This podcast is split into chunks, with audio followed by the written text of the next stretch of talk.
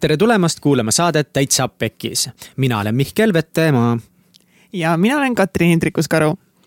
täitsa Pekkis saates me räägime põnevate inimestega, ka põnevate inimestega nende eludest ja asjadest ja seiklustest, mis nende elus pekki läinud on.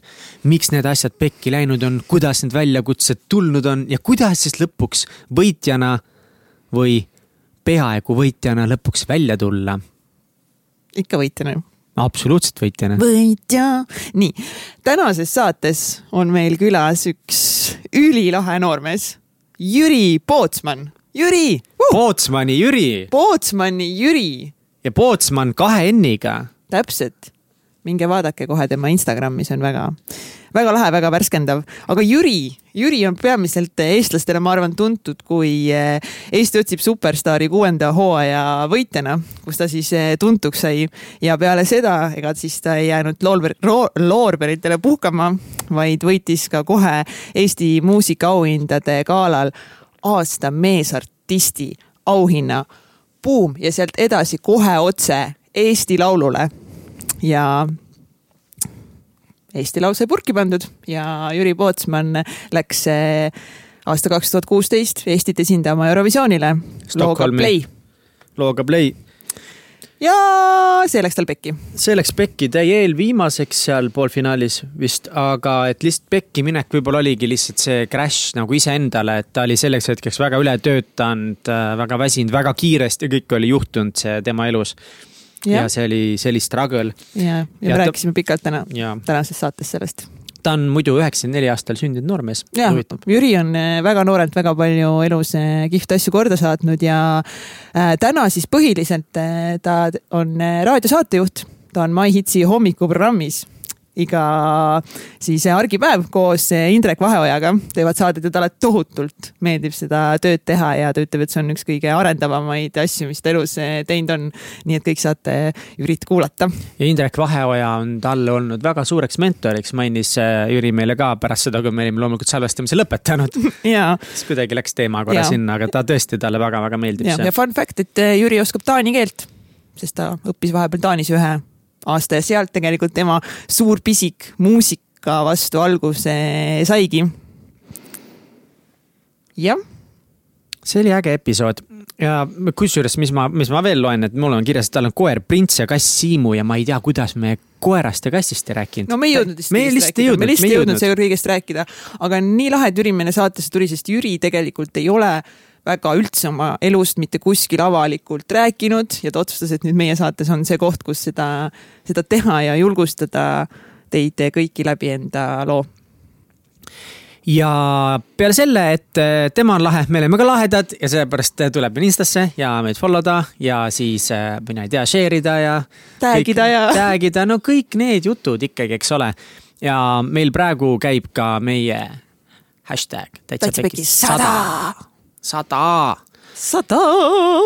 sada päeva lihtsalt teeme midagi, võta sada päeva ette, Signe Ventsel meie aasta viimases episood, eelmise aasta viimases episoodis mm, -hmm. eks ole, rääkis sellest väga täpselt, miks tuleb oma aastaplaanid minema visata ja just keskenduda sajale päevale.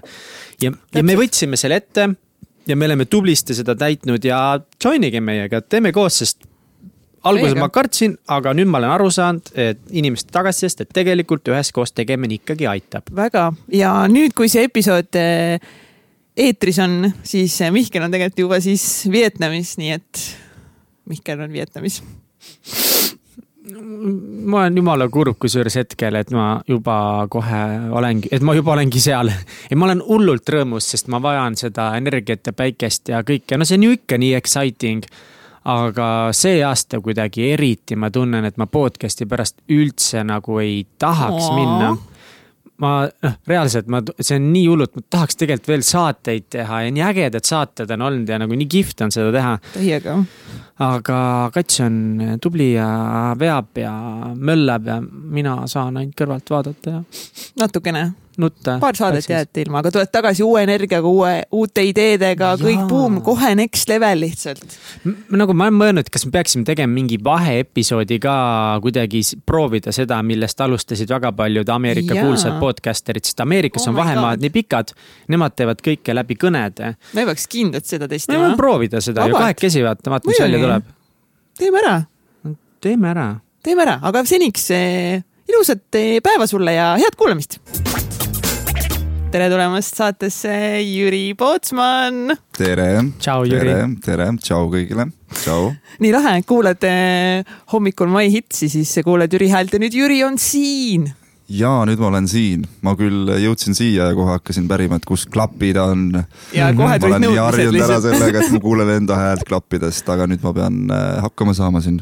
raske saab olema kas alguses ei olnud veider enda häält kuulata kogu aeg või, klappidega? äh,. kui alguses? no kui sa läksid My Hitsi näiteks tööle? aa ei, selles mõttes äh, ma ju olen ju ikkagi enne MyHitsi ka enda häält kuulnud klappidest kus, kus kohas, millega sa, millega millega sa enne jaa, tegelikult, see nagu kuidas see võis juhtuda? et kahjuks jah, ma pean teid kurvastama, ei pinninud midagi huvitavat siit välja. see läks, Juba läks pekki, Juba saate algus on pekis. me kohtusime sinuga esimest korda või mina kohtusin sinuga esimest korda siis, kui me käisime oma seda Täitsa Pekkis live show'd promomas äh, seal My Hitsis. ja siis sa olid kohe mingi, davai, ma võin saatesse tulla küll, kirjutage mulle Instagrami. Yeah. millal see oli? See oli väga ammu tegelikult, ma tundsin väga suurt äh, piinlikkust selle üle, et ma ei vastanud teile pikalt, sellepärast et see läks sinna kas sa ei vaatagi oma Othersisse või kuhugi request'i sinna. läheb jaa, aga seal kindlasti fännid kirjutavad palju sinna request'i. jaa, aga seal on see, et, et sinna on jäänud mul vinduma nii palju neid sõnumeid mm, Mhm. -hmm. et, et, et seda scroll ida sealt iga päev on natukene overkill I know, Mhm. we, we feel you. ja, ja siis No, no, ma hakkasin, me ei ole Jüri Pootsman ikka nagu me oleme katseraune täit-, me maha. oleme täitsa pekis ja saade. meil on kolm request'i seal. ja siis ma vastan ikka neile nagu tavaliselt. Jüri, palju sul seal on? mul nüüd on äh, niimoodi, et circa kümme, aga varem oli üheksakümmend üheksa pluss, sest et ta üle saja ei näita, nii et ma sain sealt ära kustutatud kõik. Me ei ole veel seal, onju. okei okay,, no anname siis Jürile selle punkti praegu nagu Insta request'ide alaselt nagu. esimene punkt Töövõit. Jürile. Eh, teine punkt, mille Jüri kindlasti saab, on see, et Jüri tuli täna saatesse punase veiniga, Mhm. ülimeeldiv, tõeline härrasmees, aitäh sulle tegemist on reede õhtuga, õhtupoolik mm. mm, -hmm. nii et ma mõtlesin, et kuna, kuna ma ei pea siit edasi kuhugi tõttama lavadele, ma täna ei lähe lavale, siis ma mõtlesin, et miks mitte teiega natukene kruusist kusjuures. Kruusist. kruusist ja, nii et kui keegi tuleb aknast piiluma, siis ta näeb, et me hoopis äkki joome, teed. joome teed. jaa, rohelist teed. missugustel lavadel siis sa täna möllad peale inimeste armatuurlaua? see oli nagu referents raadiole, vaata nagu ma ise olin ka mingi, kust ma inimeste armatuurlaud. autos on armatuurlauad. keeruline küsimus, ma ei saanud, ma ei saanud üldse praegu aru. ma ise tegelikult ma olin ise ka veits segadus nagu, aga põhimõtteliselt sa oled nagu raadios, aga mis sa veel teed? aa, üleüldiselt, mitte täna õhtul. üleüldiselt, üleüldiselt. aga samas täna õhtu võib ka nagu päris huvitav olla siin. Üleüldiselt- üleüldiselt peale raadio ma, ma olen nüüd alustanud uuesti muusika salvestamist. Nii et ma vaikselt äh, hakkan uuesti sellega tegelema, juba tegelen tegelikult, et siit lähengi otse tegelikult stuudiosse ka. et ikka lähed kuskile, ikka lähed ma. lähen, aga no siin on aega, siin on aega, aga lavale ma ei lähe, lava, lavale ma ei lähe. mida veel, olen äh, palju kinos käinud, olen. mis sul viimase aja mingi lemmikfilm, mis sa näinud oled? Jojo the Rabbit, siis üks prantsuse film Tõde äh,. Siis äh, need veel jooksevad praegu minu Oo. arvates äh,. siis äh, ma vaatasin äh, äh, PÖFFi raames sellist filmi nagu Jeesus juhatab sind kiirteele, mis on täielik nonsense, see on minu arust Hispaania ja Eesti ähm,, Eesti tegijate poolt tehtud ja ta on sellises äh, noh, seda peab nägema, väga raske on seletada, sest et äh, ma arvan, et väga vähestele läheb see peale, see on täielik, täielik nonsense, et sa vaatad ja, ja mõtled, kas, kas kas sa seda kiirteed põrgusse ka vaatasid või? mis see Eesti seda ma ei ole vaadanud, seda ma ei ole vaadanud, seda ma ei ole vaadanud, kuigi ma olen väga suur õudukate fänn.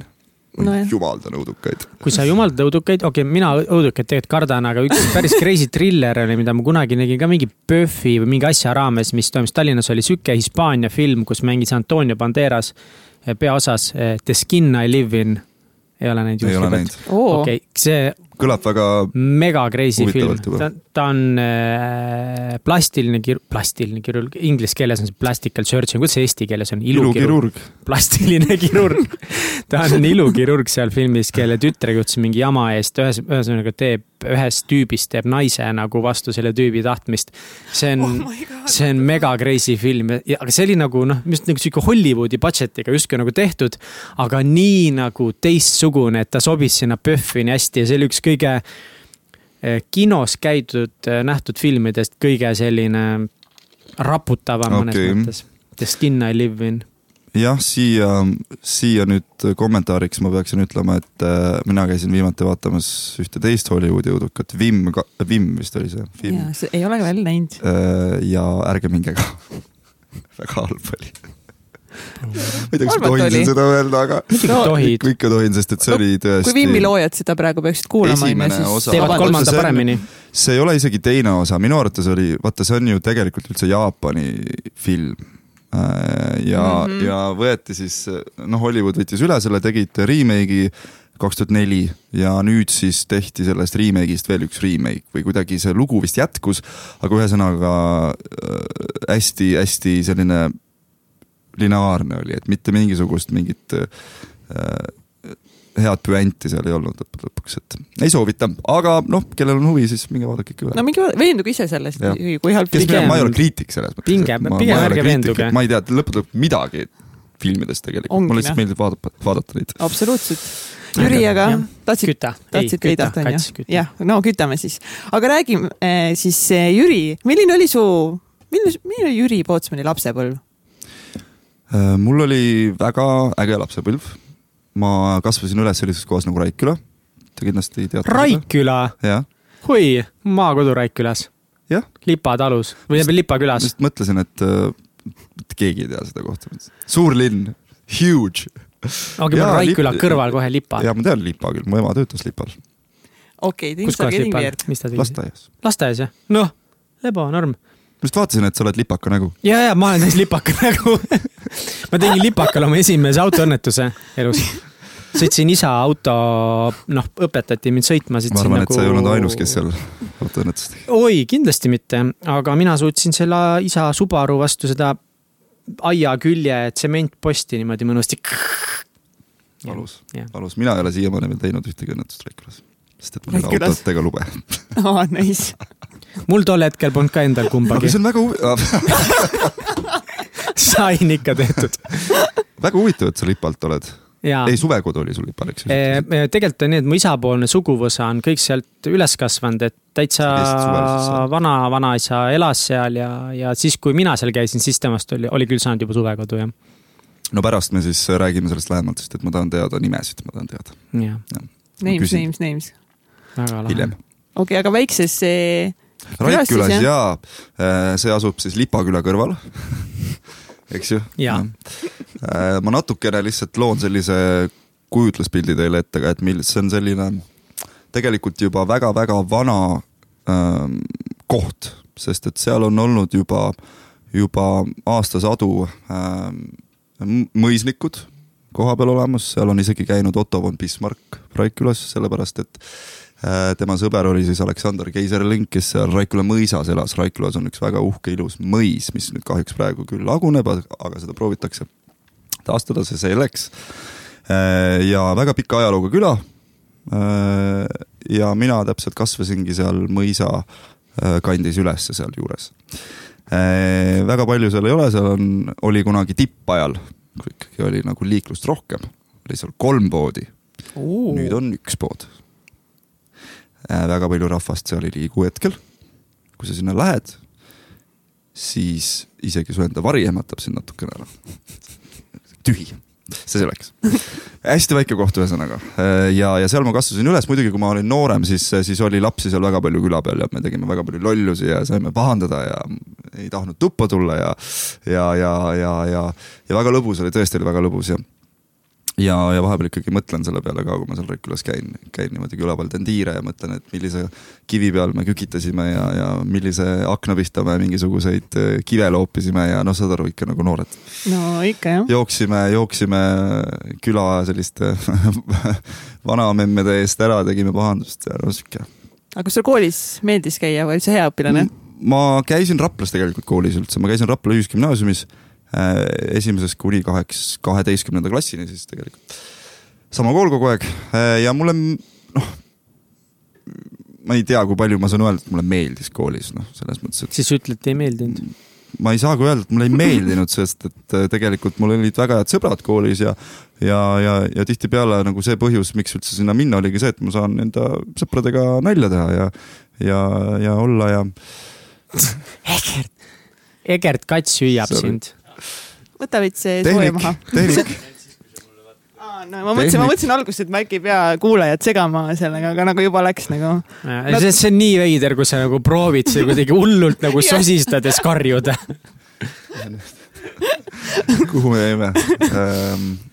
sul olid koolis olid koolis, sinu head sõbrad? kooli, ja koolis olid väga head sõbrad ja tegelikult mulle väga meeldis äh, koolis vahetundide ajal küll olla aga ma olin pigem selline humanitaarainete poiss, et äh, et reaalained olid mul natukene raskemad tulema, sain lõppude lõpuks hakkama, aga üpriski aeglaselt läks see kool, ma pean mainima küll, et põhikool oli ikkagi nagu kaamlitatt, ma ütlen ausalt teile, sest et venis lihtsalt. venis ja venis ja venis ja tegelikult äh, eks raskeid aegu oli ka seal, sellepärast et äh, sest et mina ei tegelenud spordiga ju pop äh,, popid olid ju need, kes ikkagi mängisid palli või, või, või siis ma ei tea, suusatasid või mida iganes, eks ju, et ma olin see kooripoiss, ma olin äh, jah, see laulupoiss ja, ja, ja, ja noored äh, lapsed nagu praegugi, ma arvan, see on isegi praegu hullem, see kiusamine ja asjad, et et tegelikult äh, eks ikka pandi halgu alla küll, jah.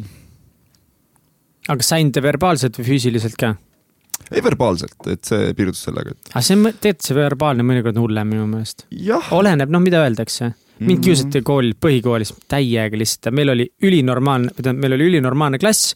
ja siis millegipärast keegi otsustas, et davai, et võtame need paarem istuma jäänud mingid kuradi ma mafiosnikku meile klassi. ja no pärast seda oli lihtsalt puh, lõpuks pandi kool üldse kinni. nii et noh. Lipal või? ei, Tartus Õnneks Lipat me ei rikkunud ära, Tartu kooli rikkusime ära. aga jaa, eh, põhikool oli hästi pikk tõesti ja, ja, ja vahepeal mõtlesin, et, et noh, vahepeal üldse ei tahtnud minna kooli hommikuti, et, et, et päris raske oli.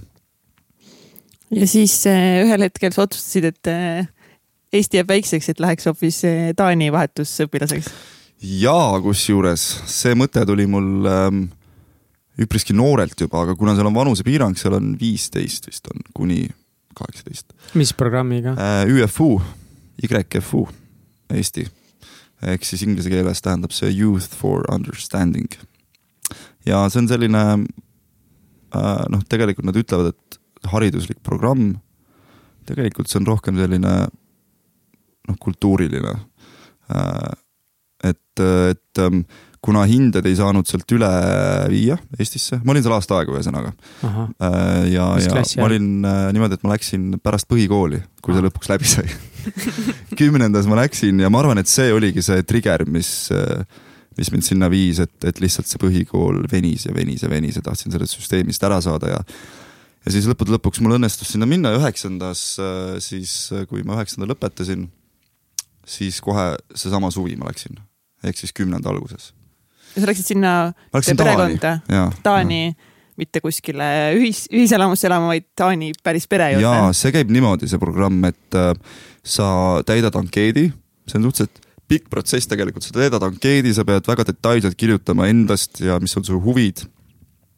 Äh,. ja siis äh, see on väga suur äh, nagu organisatsioon tegelikult, aga aga ma saatsin selle ankeedi ja siis lühidalt äh, käib see niimoodi, et äh, vahetuspere on siis see, äh, kes mind võõrustab seal, et ma ei ela kuskil, kuskil mingite suvaliste juures. aga kas see vahetuspere tähendab seda, et nemad saatsid oma lapse Eestisse samaks ajaks või?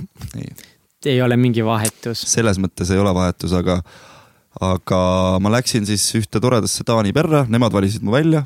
kus kohas sa olid Taanis üldse? ma olin äh, Lõuna-Taanis, ma olin täiesti, täiesti Saksamaa piiri juures tegelikult äh,, täiesti kaugel Kopenhaagenist ja teistest suurematest linnadest, aga samas meie linn, kus ma elasin või kool, äh, koolis käisin, tähendab, oli siis ülikooli linn, seal oli tegelikult väga palju noori ikka, et see ei olnud selline päris, päris äh, metsaolevik.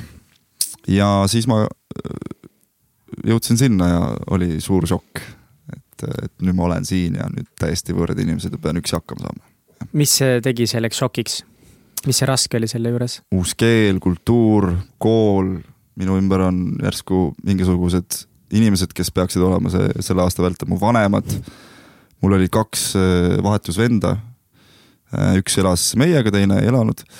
ja noh, sul on kõik, kogu süsteem on uus, ühesõnaga, et see oli mm -hmm. tegelikult äh,, aga see oli äge, see oli väga äge. aga mida sa alguses tundsid? jess, ma olen ära Eestist. oli ikka, ikkagi see yes! ära? Ema oli lennujaamas, nuttis, ma olin see, tšau. esimese lennuki peale, see oli mu esimene lend kusjuures. üldse, see oli seitsmeteistaastaselt, kui ma siis sinna läksin. et äh, väga põnev oli, aga, aga, aga algus oli tegelikult ikka raske, sest et äh, sest et pead harjuma perega, sa lähed kooli, sul on järsku mingisugused uued, uued inimesed seal koolis ja klassikaaslased, eks ju, ja ja, ja ega ma ei ole ka selline e-, e-, eriline ekstravert, et, et ma pigem ikkagi sissepoole suunatud, aga ei, lõppude lõpuks ikkagi. no mis alguses, milline oli alguses kõige suurem väljakutse sulle? et kas selle perega just kohaneda või koolis kuidagi endale koht leida või ma esimesed kart... sõbrad luua? ma kartsin, et äh, kõige raskem saab olema kool aga tegelikult kõige lihtsam oli kool. jah yeah.. sest et mul vedas väga klassiga, mul vedas äh, nende inimestega, kes seal olid, mul vedas äh, äh, õpetajatega, mul vedas äh, üldse kogu selle no ma ei kujutanud ette, et see nii, nii kuidagi vaba on, et see mulle tõesti väga sobis. täiesti teine teema, mis siin Eestis on. taanlased on hästi sõbralikud inimesed vist või, või kuidas sa kirjeldaksid neid? no kesk, keskmine taanlane, ma ei, ma ei, ma ei saa üldistada siin muidugi, selles mõttes, et aga nad äh,, öeldakse ju, et nad on õnnelikumad mm -hmm. kui, kui average, keskmised eurooplased. okei okay., aga sa sõbrad leidsid endale sealt? ma sain sõbrad tegelikult kusjuures kohe niimoodi, et need inimesed, kellega ma hakkasin suhtlema, esimene päev siis koolis, teine päev, kolmas päev, noh alguses nemad jäid mul terve kooliaasta lõpuks nendeks, nendeks tugiisikuteks. aga, aga ma suhtlesin tegelikult terve klassiga, et seal lihtsalt mingisugused inimesed olid natuke lähed- äh,, lähedasemad. Aga perega oli raske. Perega ma ikkagi struggle isin päris, päris, päris palju. ma tahtsin sulle öelda ette, mida sa tegema pead ja, siis said nagu mingi ma olen vähitähtkujust ja mulle ei meeldi, kui mulle öeldakse, mida ma tegema pean, ma tunnen, et see on ebaõiglane. teisalt oli ju see ka, et et järsku on nemad minu vanemad, et minu, et mina peaksin kuulama ju enda vanemaid, kes mul on Eestis mm. -hmm. miks ma pean teid kuulama, mul tuli jõhker äh, trots ja tegelikult eks see oli ka natukene ebaaus, mis nad seal tegid minuga, et, et vahepeal oli päris raske. mis nad tegid siis? Nad olid väga ranged, nad olid sellise. nagu distsipliin jah? distsipliin oli väga, väga-väga tugev äh, ja, ja range ähm, aga et siis kas päevakava või et, et sa pead koristama ja kõike korras hoidma või? Äh, ja, et sa küsid, päevakava oli täiesti olemas, igal pereliikmel oli oma päevakava, see oli selline ühine kalender, mis ei ole, selles ei ole mitte midagi halba. aga lihtsalt see oli minu jaoks nii võõras ja ma pidin järsku nagu mingisuguseid reegleid äh, järgima äh,. laupäeviti pidin koristama tervet maja, noh, osa majast seal, eks ju, me jagasime ära enda, enda, enda vennaga äh,. ja, ja, ja päris nagu control freak'id olid, et, et ma kartsin, ma is, is, isegi ütleme, ma kartsin seal nende juures elada, aga tegelikult ei midagi nii hullu äh, pikas perspektiivis ei olnud. kas sa siiamaani, kas sa suhtled veel nendega? ja ma suhtlen nendega, ma olen külas käinud, nad on siin käinud, nad on laulupeol käinud, äh, tegelikult noh, kõik on timmis mm, -hmm. et ega see ei olnud mingi yeah, terror. oo kui lahe. ja, ja, ja nad on siin käinud äh, ühe või kaks korda isegi ja viisin nad laulupeole. Nad olid väga õnnelikud, see oli väga ilus suvi ähm, ja, ja siis ma olen seal kaks korda käinud neil külas, see on küll väga vähe, arvestades seda, et me noh, Eesti ja Taani on tegelikult nii lähedal mm, -hmm. võiks rohkem käia. ma käisin äh, nüüd eelmise aasta suvel esimest korda Taanis mm -hmm. ja mäleta, aa, mu elukaaslase mingi sõbranna lõpetas seal ja kuidagi nagu juhuslikult, aa, lähme Taani. mul ei olnud mingeid ootusi Taani osas, sest kuidagi see ei ole väga minu kuidagi minu perimeetrile jõudnud see Taani ja kui ma sinna läksin, sellest sai Kopenhaagen, siis sai vist mu lemmiklinnaks praegu. no ma olin küll ainult mingi, ma ei tea, neli päeva seal või yeah., aga ma, ma ei tea, ma armusin ära lihtsalt. no mina ei olnud Kopenhaagenis käinud äh, varem ja selle aasta vältel, kui ma seal olin, ma käisin seal ainult ühe korra, sest et äh, mingi neli tundi võttis see aega, et sinna üldse minna. ja rongipiletid on väga kallid seal et, et ei olnud mul äh, aega, jah, no aega oli, aga ressursse ei olnud ja mul ei olnud seal kedagi ja noh mm -hmm., oleks võinud minna, perega vist korraks käisin autoga. aga oleks tahtnud ikka minna sõpradega ja oleks tahtnud no, tšillida kuskil yeah. kaubanduskeskuses ei, seal on pargis tšillimine, see, kui, kuidas täis, mis mulle üks asi, mis mulle hullult meeldis paljude asjade seas oli see, et, et äh, igal pool parkides, seal on, noh, mina ei tea, keskmiselt palju parke täiskasvanud inimesed mängisid igast mänge, mitte see, et ah, noored on pargis, istuvad, joovad natukese õlut, on ju tore, parem kui sees istuda kuskil. aga täiskasvanud inimesed, pered mängisid mingeid lauamänge, nad mängisid siukseid aktiivseid mänge, viskasid mingeid asju, et nagu kõik olid kogu aeg parkides. seal on see, et seal on pere sellised activity'd ja tegevused väga-väga teemas, et äh, esiteks, äh, mis äh,, esimene asi kohe, mis ma märkasin, oli see, et õhtusöök on kõige olulisem asi üldse. et pere saab kokku ja. Nad saavad kokku, nad teevad koos süüa, noh, see oleneb muidugi, äh, istuvad laua taha ja siis nad räägivad. ja üks õhtusöök kestis seal tavaliselt no vähemalt tund pool miinimum, et nad tõesti jagasid, äh, seikasid enda päevast ja, ja no sest, et tihtipeale oli see ainus aeg, millal üldse nad kokku saavad, sest kõigil on nii palju tegemisi päevakava, ting-ting-ting. ja, ja ennem ei lahkunud äh, mitte keegi lauast, kui siis toit oli söödud kõigil ja, ja et, ja et selline ühine otsus oli vastu võetud, et nüüd on finiš, finito. et, et siin Eestis nagu tihtipeale on see, mis, mis tagasi tulles mul oli see, et ma hakkasin kohe õiendama perega, et meil ei ole söödud. Te ei lähe ära. siis oli see, et ma võtan äh, selle enda mingisuguse supi ja lähen teleka ette. ja, ja igaüks läheb oma nurka. kõik ei räägi, vaatab, söövad, eks ju, seal äh, ja vaatavad telekat. hingad toidu sisse endale lihtsalt. aga oi, kui mu Taani vanemad saaksid sellest teada, siis räägi aitäh, tagasi tulemisest, et sellest päevast, äh, mida, kui sa pidid aga tagasi enne, enne oli veel see, et, et Aa. Jüri sai oh. seal enda laulupisiku Taanis, ma tean. ja, ja. et sealt hakkas pihta kõik. ja tegelikult äh, täitsa päriselt, ma arvan, et kui ma ei oleks Taani läinud, siis ma ei oleks äh, üldse Superstaariga läinud ja ma ei oleks noh, mul ei oleks olnud julgust lihtsalt selliseid asju ette võtta, sest et sealt ma sain, ma olin muusikaklassis seal. ja, ja kuidagi aegamisi lihtsalt sulandusin nende inimestega seal klassis kokku ja meil oli väga palju selliseid õppereise, meil oli projekte, hästi palju praktilist tööd oli meil seal, et väga vähe oli mingit teooriat ja sellist kuiva asja, meil ei olnud näiteks üldse kontrolltöösid. meil oli äh, äh, grupitöid hästi palju. ja, ja laval sai ka oldud natukene seal, et alguses ma kartsin, aga aga samas äh, sõbrad olid seal väga julgustavad, nii et äh, aasta lõpuks mul oli juba päris palju kogemust. ülilahe. Enda mõistes aga sa laulsid seal kooris, kooris olid koos nendega, mitte üksi? ei, ei, meil olid ikka selles mõttes iga õpilane reaalselt meie klassis oli keegi, noh, nad mängisid mingit kümmet erinevat pilli, et see oli ikkagi, ikkagi nagu muusika, muusika, väga tugeva muusikakallakuga kool meil ja klass Äh, aga mina seal nende kõrval olin täielik iibetsil, selles mõttes ma ei osanud midagi, ma oskasin ainult laulda, ma ei osanud mingi noh, null. aga noh, see selleks. ja, ja tulin Eestisse tagasi ja, ja tõesti, ma sain selle pisiku ja ma otsisin kohe, kui ma Eestisse tagasi tulin, endale lauluõpetaja äh,, laulu või noh, hääleseade lauluõpetaja, slaš. ja hakkasin käima konkurssidel ähm,. Läks väga hästi ja kohe siis äh, sain motivatsiooni juurde, et, et midagi suuremat veel ette võtta no kuidas see tagasitulek Eestisse oli, seitsmeteistaastasena on need aastad veel ikkagi päris pikad. vanemaks saad, kiiremini need lähevad. ja sulle, mulle tundub ikkagi, et sulle lõpuks väga meeldis see, et sul olid toredad sõbrad seal, said seal laulmispisikus, et kui sa Eestisse tulid, kas siis oli see, et lennujaamast tulid et terminalist välja oli sitt ilm või pigem sul hea meel kodus jälle olla? tegelikult tagasi tulles oli suurem kultuurišokk kui üldse sinna minnes sest nii. et ja, ja sest et ähm, reeglina nii ongi vahetusõpilastel ähm, meie programmis vähemalt, see on väga populaarne teema, millest me räägime kogu aeg, tagasi tulles tõesti on raskem äh,. sest et sa oled saanud endale selle nii lühikese aja jooksul nii äh, sellised äh, head ja, ja usaldusväärsed sõbrad, sest me oleme kõik selles kompotis koos äh,. ma noh, sest et aasta vältel meil olid ka mingisugused seminarid seal ja me nägime teisi vahetusõpilasi ka ja me tegime igasuguseid asju seal koos ja aga, aga see, see side, mis mul jäi nagu enda klassikaaslastega seal, see oli ikkagi väga tugev. Äh, ja, ja nad olid mul toeks terve aasta vältel ja, ja, ja noh, ma rääkisin siin küll enda perest aga tegelikult eks ka nendest oli natukene raske äh, lahku minna.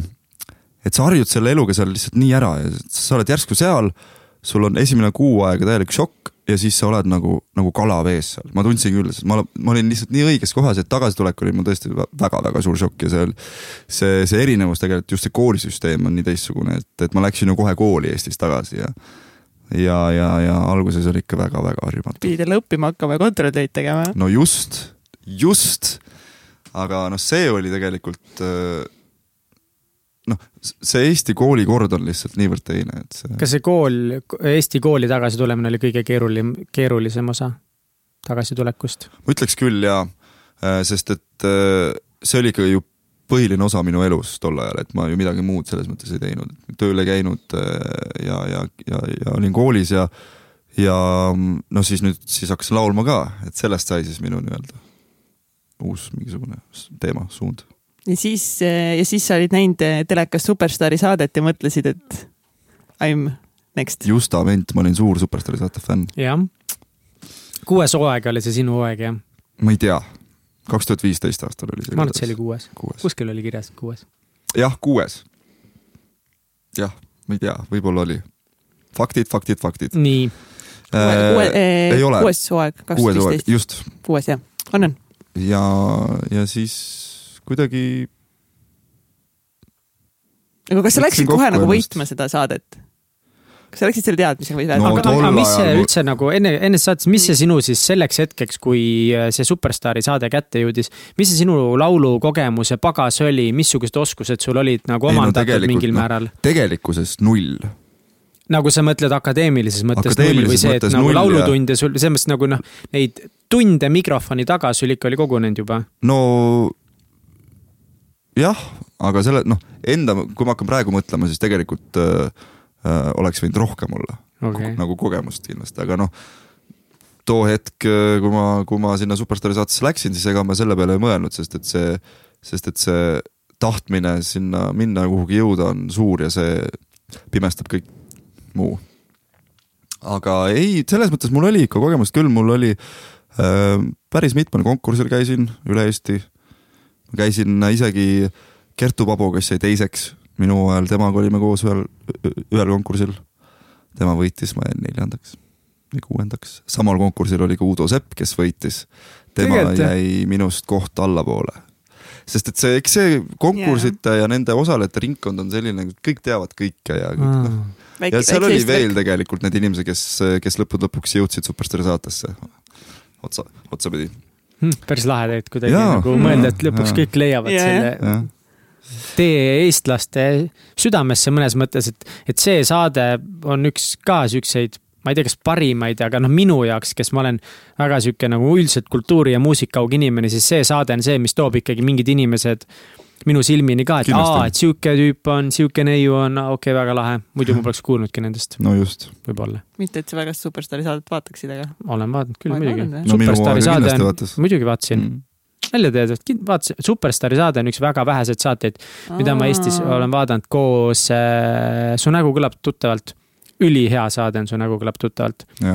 et seal on ikka ka mõned inimesed no nii fantastiliselt häid esitusi teinud, et. absoluutselt, jah, nõus kuidas see Superstaar selles mõttes läks, et sa võitsid?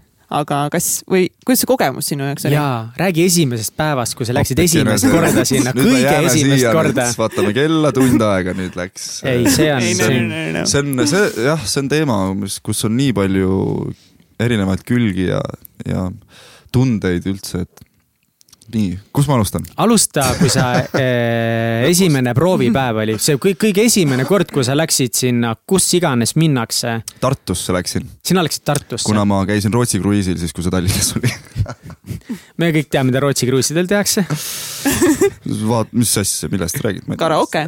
karaoke ja laevaga sõitmine. Mm, jah. Äh, esimene, esimene äh, audition oli tegelikult selline, et äh, et kaameraid seal ju ei olnud mm. -hmm. sa läksid lihtsalt produtsentide juurde mm. -hmm. mina otsin vist seitse tundi seal. ma läksin hommikul kella viiest rongi peale Tartusse ja ja, ja ma reaalselt olin selline, kes ei, ma vist ei laulnudki kordagi ennem seda asja läbi. sest et mul ei olnud kuskil, kus laulda. ma ei tea, peegli ääres või lihtsalt No, oma tooli peal jaa, aga inimene on seal vetsus, eks ju, mõtlen, lähen vetsu laulma, ei saa, vets on täis. vetsus juba siis kõik laulavad teises nurgas laulab keegi okay., siis laulab seal keegi, siis, siis ma ei laulnudki. Aga kas sa olid närvis ka? ma olin väga närvis. olid? muidugi olin. miks, miks sa nii üllatunud oled? ei, ma ei ole üllatunud, see on lahe kuulda, sest ma mõtlesin, et sest see on hea, no ma mõtlesin, et äkki sa läksid sinna esimesest päevast peale ja. lebo, lebo, lebo, lebo. ei, ei, ei, ei, ei, ei, ei, ei, ma olin ikka, ma olin ikka tõesti närvis, sellepärast et ma ei olnud ju. Ma teadsin, kui suure kaaluga see on. ma tahtsin nii väga seda. ja, ja, ja ma ei tahtnud seda äh, pekki keerata, Mhm. täitsa pekki keerata. see on nii kihvt story, et mõtle, kui palju inimesi läheb nendele saatele ja väga palju andekaid inimesi, aga lõpuks sina olid see tüüp, kes alguses närveeris sitaks seal siis ja lõpuks sa võtsid selle ära. aga räägime auditionist siis, sest kõige esimest produtsentide ees. produtsentide ees minu arust seal oli, seal oli Maiken, seal oli siis Karelson, kes, Kaupo Karelson, kes on selle saate produtsent, peaprodutsent. siis oli seal minu arvates ka Andres Puusepp Power Trade'ist. ja seal oli veel inimesi ja seda filmiti ka, noh, see selleks, nagu väikse kaameraga lihtsalt, et nad saaksid seda vaadata. ja, ja, ja õnneks läks mul niimoodi, et ma laulsin ära ja tegelikult ma ei mäleta, kas nad rääkisid peale seda või mitte, et nad vist ei öelnud midagi eriti ja me, ja me saime siukse vaese mehe kollase lehe. Vaata seal ju noh, Jaa. kui on audition, eks ju, see päris audition, siis sa saad siukse kollase kaardi ja seal oli mingisugune valge paber lihtsalt. võta diplom äh,. jah aga mis su emotsioon oli, kui sa selle said? oi, ma olin nii õnnelik, sest ma olin ju seitse tundi passinud seal ja, ja tegelikult oli närv äh,, praadinud ennast. närv ju nii, nii üleval ja, ja nägin neid inimesi, kes tulid seal välja ja olid õnnetud ja, ja nendest oli kahju ja, ja, ja, ja kõige õnnelikum oli see, et see oli läbi, et see oli läbi ja ma saan lõpuks minna rongi peale, saan koju minna magama. ja mul on see paber käes, aga siis tuli siis see nii-öelda päris audition. kas see on, seal on suur vahe sees, ma arvasin, et äkki mingi samal päeval, järgmisel päeval. see oli hiljem, ma täpselt ei teagi, igal juhul ma tulin tagasi Tartusse. Okei, Äh, aga sel päeval läks väga ruttu, seal oli siis juba kaamerad kõik, produ oli seal taga, nii nagu me telekast näeme. Läksin kohtunike ette, jõudsin ja siis mingi a la viisteist minutit ainult ootasin ja siis sain juba sinna ette, et seal oli juba sihuke nagu mm. Mm. ajakava olemas. kas sa olid siis rohkem närvis või vähem närvis? tead, ma ei oska öelda, ma arvan, et ma olin vähem või? närvis vähem. tegelikult seal isegi, sest et mul ei olnud aega äh, närvi minna, see oli, see oli, see kõik läks nii ruttu. ja läksin sisse, laulsin ära sellesama laulu, mis ma seal laulsin, ma ei mäleta, John Mayerit vist laulsin, Gravity vist mis ma laulsin seal Uh, uh,. uh ja laul. on ja siis äh, ma sain äh, endale äh,, ma olin piisavalt õnnelik äh, õnn, õnnega koos, et ma sain neli jaad endale. isegi Rein Rannap andis mulle jaa, sest et tema Vau, terve, terve hooaja vältel mul oli selline tunne, et ma tegin midagi valesti talle. et, et ta kogu aeg pani mulle puid alla, aga ei, ju siis, ei tea, ma ei tea. mis oli emotsioon siis äh, rikka mehe kollase lehe saamisel? Äh, eks ma seal ikkagi rõõm-, ma mäletan seda, et ma pidin enda emotsiooni mitu korda kaamerate ees tegema uuesti. okei, see võib veider olla. ei no esimest korda kindlasti, aga noh, tavaliselt, noh, see on tele, eks ju, sa peadki kogu aeg kordama. ma ei tea, ma ei ole teles olnud. esimest korda, esimest korda äh, tegin ära, ju siis neile ei meeldinud, ma olin ta on mingi Jüri. ei olnud, ei olnud piisavalt mitte, see õnnelik. olid see päris sina ju. ma ei olnud piisavalt õnnelik, ma ei olnud äh, järelikult, nad tahavad ikkagi noh, emotsiooni täiega. emotsiooni sealt ja Okei, siis okei. ma mäletan, see oli Kaidi Klein, kes terve hooaja vältel oli mul selline, selline inimene, kes, keda ma sain usaldada. ta oli siis toimetaja seal saates. ütles, et Jüri, ei. uks on seal, mine tagasi, tule uuesti välja, rohkem emotsiooni. ma sain aru, et ta on seda teinud kümneid kordi juba sellel päeval, sest et inimesed ei, ei ole olnud kaamera ees ja nad ei tea seda Mm. noh, nad ei oska, sest et häbelikud on eestlased. Jaa. täpselt samamoodi, ma tulin ka sealt niimoodi vaikselt välja ja lõpus oli natuke rohkem emotsiooni. Ja siis, kui sa saatesse said, kui said selle kollase lehe ära, siis hakkas päris trall pihta sinu jaoks ja. et äh, Äh, jah, siis olid ju, siis olid ju siis teatrivoor oli see vist selline koht, kus mm. -hmm. aga me olime üldse Laulasmaal, spaas, ma mäletan seda, et me olime Laulasmaal spaas. ja ega ma väga palju ei mäleta seda küll, sest et see oli ikka üks äh, närvide mäng seal. Siis ma, siis ma juba sain aru, et seal on nagu lauljad, lauljad juba koos, eks ju, et sinna mingisugused suvalised ei satu ja ma pean ennast kokku võtma ja ma pean harjutama ikkagist enne, ma pean nii mingi nurga leidma, kus ma saan harjutada ja siis ma leidsin mingisuguse nurga ja siis ma harjutasin seal ja. ja ma ei mäleta täpselt, mis süsteem seal oli. igal juhul ühe korra ma laulsin seal vist, ma arvan, üksi äkki. Ja teinekord ma laulsin äh, duot koos Mikk Mäega, kes oli siis ka lõppude lõpuks meiega koos finaalis, minuga koos seal kümne hulgas. ja, ja saime sealt edasi ja siis oli ju see, kui, kui, kui meid nii-öelda viidi nendesse tubadesse, mis oli jah-tuba, ei-tuba ja võib-olla, Ja, mis ja, seal olid ja, ja siis meil, ma ei mäleta, mis toas ma olin, kas ma olin äkki jah-toas või võib-olla ei, toas toas sa, vist kindlasti ei olnud, õnneks mitte. ilmselgelt. aga noh, sa saad ikkagi aru, vaata selles mõttes, et kui seal on inimesed, kes sa tead, et on head, sest et Ahah. seal minu toas oli Kertu Pabo, kes võitis ju selle konkursi, millest ma just ennem rääkisin, kus me Mm. koos olime. see oli Saaremaal kusjuures. ja, ja siis ma sain aru, et oot, et kui tema siin on, siis äkki nagu joppab nagu. siis äkki läheb hästi ja siis, siis oligi niimoodi. kui pikk eh, kogu see aeg oli, et kui see nii-öelda, kui hakkas see teleosa pihta kuni siis eh, finaalini välja, enam-vähem nagu aga teleosa, no teleosa oli juba tegelikult see oligi te teles ka, seesama mm Mhm. -hmm. teatrivoor mm? -hmm. nii-öelda seal Laulasmaal või kus see oli. aga kogu periood oli ju jaanuarist kuni mai lõpuni. juuni, kolmkümmend üks mai oli viimane saade mm, Mhm. -hmm. äh, finaal. Kuidas sa seda aega nagu enda jaoks mäletad, kas see oli selline, et noh, see oli kindlasti väga põnev, aga kas see oli samuti, oli see nagu kuidagi väga keeruline, raske aeg, pidid sa hakkama saama sellega, et noh, nagu sa ütlesid, tele on ju ja tele tahab ka asju mingi teatud nurga alt teha, nad tahavad klatši, nad tahavad glamuuri, pidu, draamat, kõike. kuidas sa sellega hakkama said ja samal ajal keskenduda siis oma laulmisele ja harjutamisele? tegelikult see oli suhteliselt äge periood, see viimase kümne hulgas olemine, sest et esiteks meil oli väga äge kamp, seda niikuinii ütlevad kõik, eks ju.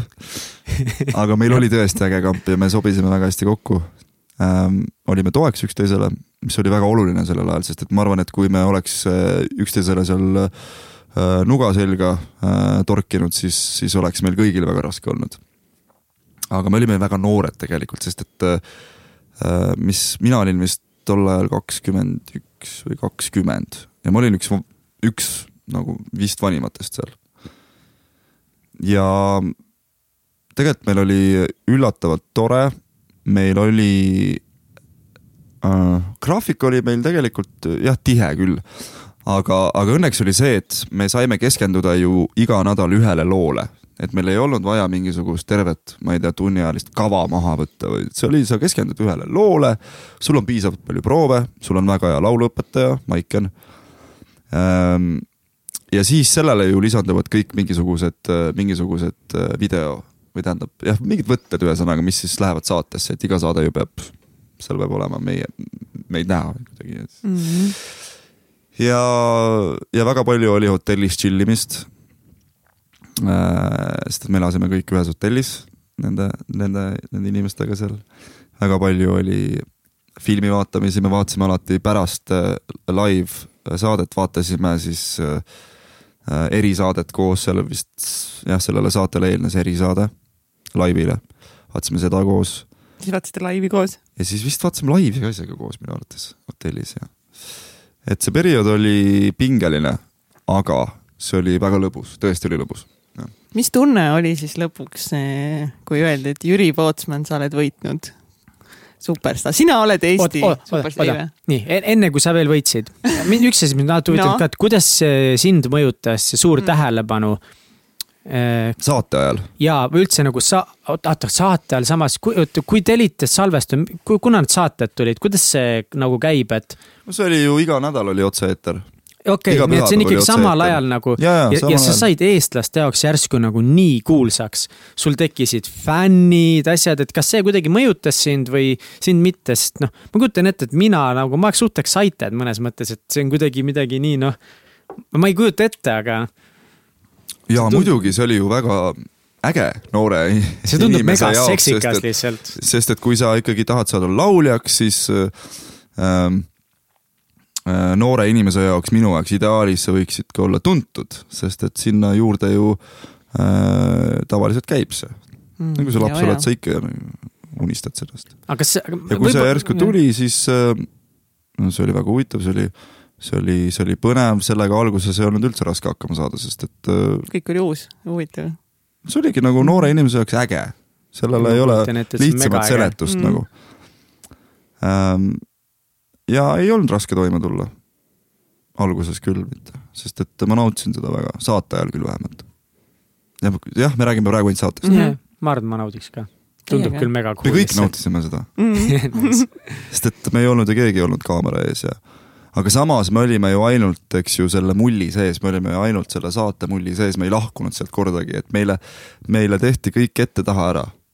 Meil olid, meil olid ajagraafikud, kus me peame olema, meil oli olemas äh, toit, meil oli kõik olemas, me ei pidanud midagi maksma, selles mõttes meid hellitati seal korralikult ära. ülikool. no nii, Kats No nii. vii meid sinna. Jüri Pootsman, sa oled võitnud, sa oled Eesti superstaar. kuidas oli tunne? nagu päriselt, mis sa tundsid sellel hetkel? nagu see pinge ja kõik see nagu, ma ei tea, see tundub nagu nii hull adrenaliin ja kõik see või kuidas sul ma ei ole selle peale väga pikalt mõelnud, lihtsalt väga raske on praegu sinna, sinna tagasi minna, Take your time, ma võtan ühe lonksu. sest et äh, ma võtan ka ühe lonksu. kümnenda. ma arvan, et see on hea lonksu koht. et ähm, terviseks. terviseks jaa, teeme vahepeal terviseks. Teeme terviseks, mul jah. juba läksin maha, vabandust, punane okei, see ei vein. läinud maha, see läks Meid laua peale. Egert, kas sa saad mingi kerge salva tuua meile?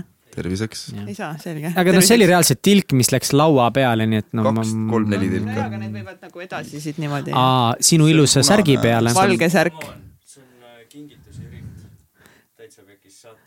aa, et me peame jätma need väikesed eh, punased eh, veiniplekikesed siia laua peale for forever ikka. mäletaksite mind. uh, me peame eluaeg seda, seda lauda, me peame ära ostma selle laua, kui me uue stuudio võtame. kusjuures minul oli kodus selline laud kunagi, seal Raiklas, kus ma üles kasvasin. see selleks. vana hea Raiküla. aitäh, aitäh, aitäh vetsupaberi eest. see kõlas väga. ei, aga noh, ütleme nii, et mõnikord elus vetsupaber on vajalik. aitäh, igatahes, plekid on läinud. Nice. aga kui ma nüüd tõesti Ah, mõtlen see., mõtlen selle peale, et kuidas, kuidas see hetk jõudis üldse, sest et noh, mainisin siin, et see oli, et noh, kõik tehti ette-taha ära ja selles mõttes oli nagu fun ja lihtne, aga tegelikult, tegelikult ju me tegime seal tööd ka ja me nägime vaeva, et, et, et me näeksime äh, ja laulaksime hästi seal. ja, ja, ja kõigepealt ma tundsin võib-olla seda, et jess, et ma olen midagi saavutanud, et et see on äh, olnud mu unistus ja, ja ma olen reaalselt äh, teinud selle kadalipu läbi, mis on teinud siis kõik teised võitjad ka kunagi. Et see tunne, et ma olen nagu hakkama saanud millegi olulisega. I have made it. mitte made it, see, see, ma kindlasti ei arvanud seal seda, et, et I have made it äh,. aga kindlasti ei jäänud mul enesekindlusest ka puudu tol ajal. praegu mõtlen, et vau mm,. jube, nii loll.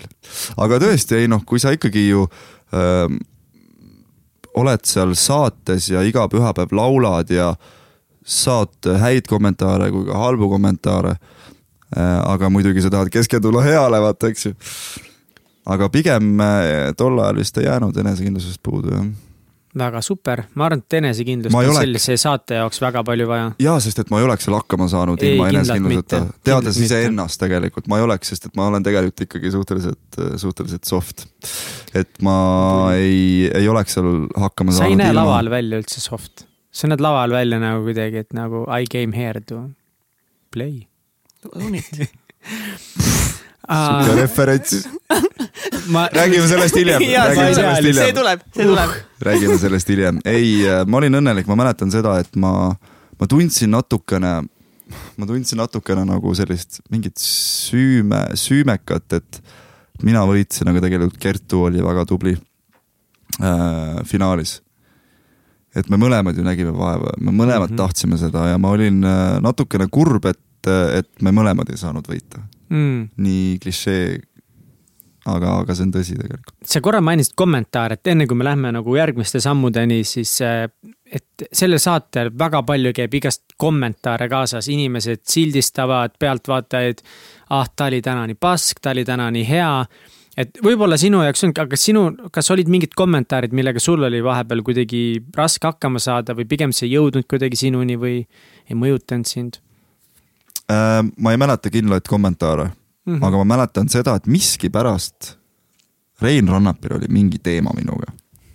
ta ei öelnud mulle kunagi, ühe korra vist ütles hästi mulle äh,. aga, aga samas äh, see oli väga vajalik, et keegi tasakaalustaks ära seda, sest et sest et üldiselt, üldiselt ju tegelikult sellistes saadetes öeldakse hästi, vahet ei ole, kes sa oled juba selles staadiumis top kümme, ega nad ei taha noori artiste seal hakata traumatiseerima, eks ju, et sa olid kräpp ja kräpp ja kräpp ja ja seda tavaliselt äh, nagu tehakse lava taga, mitte, mitte nüüd niimoodi, et noh, aga, aga, aga tavaliselt, kui, kui sa oled otse-eetris, siis kohtunikud keskenduvad heale just. Mm -hmm. ja ma arvan, et see on õige, sest tegelikult äh, kui sa oled see kaheksateistaastane noor, siis sul on väga raske vastu võtta otse-eetris eriti sellist, sellist karmi sõna. aga Rein Rannapil oli mingi teema minuga jah, ma ei tea, mis, mis, mis seal toimub, mis ma halvasti tegin, pärast saadet me saime väga hästi läbi. ta, ta tundis, et tema peab olema vaata see, kes. tasakaalustav element, võib-olla ta arvas, et see oligi see, mida sul vaja oli. absoluutselt ja, aga, aga ma olen tänulik talle nende kommentaaride eest, sest No no, näed, et need, need panid oligi- mind äh, tööle. Ja mis olid järgmised sammud, et sa olid võitnud nüüd siis Eesti otsib superstaari saate. mis siis saab edasi ühe võitjaga? uh,. tegelikult see kõlab ju väga glamuurselt kõik. see kõlab Täiega. hullult glamuurselt ja, ja, ja nüüd on mingid äh, plaadid, esikaanet äh,. esinemised, kõik tahavad sind kuulda, näha. ja need olidki, kõik need asjad olidki äh,. aga, aga üks asi, mida, mida ei olnud, oli meie enda kogemus päris reaalsuses tegelikult selles muusikamaailmas. me, me olime, nagu ma rääkisin enne, me olime ju ainult selle mulli sees olnud tegelikult. ma olen tähele pannud praegu, et mul on parasit sõna täna, see on tegelikult, ma olen öelnud seda vist juba tuhat ükssada korda, see selleks. Kallis eh, kuulaja, kui sa saad, siis eh, loe üle, mitu korda si- on Jüri Pootsman selle saate jooksul olnud ma märkasin sõna praegu, et Tegelikult- mul on uus parasit sõna. ja siis kirjuta meile pärast. ei, Pane Instas tähele all, seda, jaa, Instas alla. Kirjutage siis repostige, tag'ige tegelikult, tegelikult Jüri ja siis minu. tegelikult Jüri. tegelikult Jüri, kusjuures väga hea, ma peaksin oma Insta, Insta kasutajanime tegelikult ära muutma uuesti. tegelikult Jüriks. see selleks ähm,. Kus me jäime üldse? me jäime sellest, et see kõik tundub väga glamuurne, eks see oligi glamuurne, aga, aga tegelikult te elasite mulli sees ja nüüd sul tuli Jaa. mõnes mõttes hakata päris maailmas. otsast peale, Jah. täiesti otsast peale, sest et äh, äh, meil, meil oli ju kõik ette-taha ära tehtud, nagu ma juba siis ennem ütlesin ka, eks ju.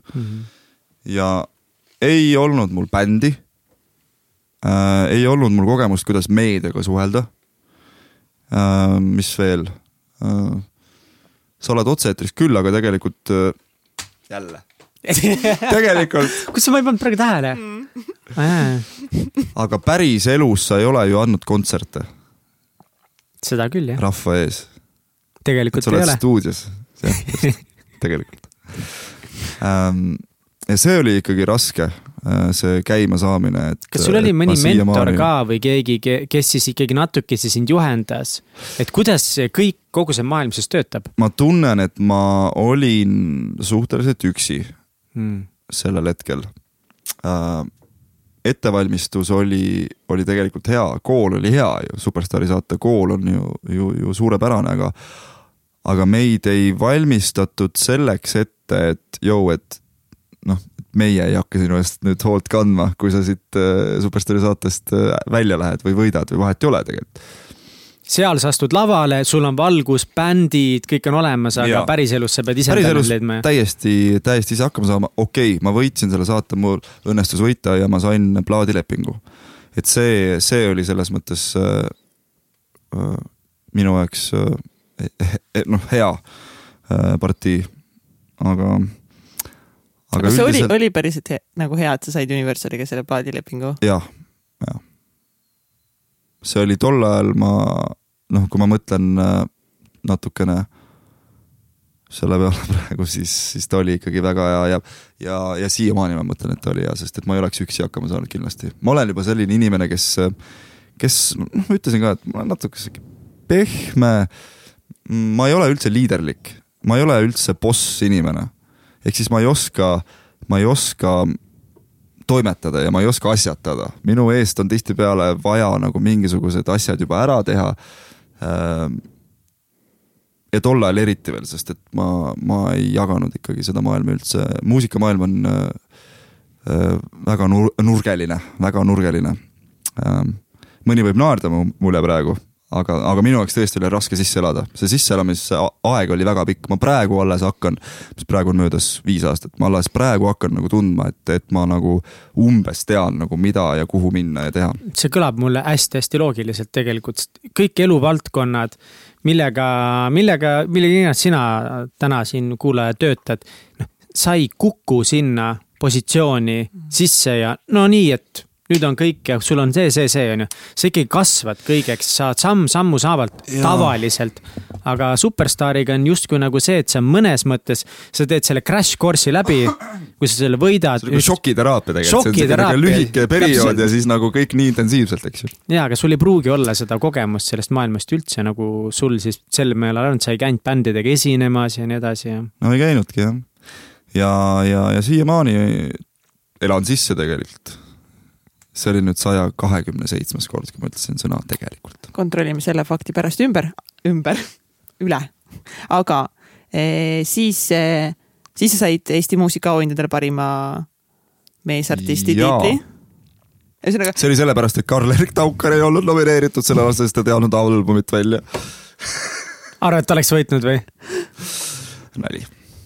ongi noh, mis asja, Karl ei, mulle aga mulle Taukarite hullult meeldib, mitte kui ära, mulle hullult Taukar meeldib. minule meeldib ka, minu arust ma pean oh siin oh, ma pean siin ei, ma ära ütlema, ta oli ju meil ju saatejuht sellel aastal. oli? ja, ja ta oli ta väga oli toetav, ta oli tõesti toetav ja, ja ta oli ikkagi staar siis, ta oli superstaar tol ajal. ja paremat saatejuhti, ma arvan, et ei oleks äh, saanud valida, sest et äh, tema oli mõnes mõttes ju meie, meie kui osalejate jaoks ka iidol me vaatasime alt üles, ta oli selles samas saates olnud, me saime nagu suhestuda selle inimesega nii hästi ja ta oli tõesti toeks.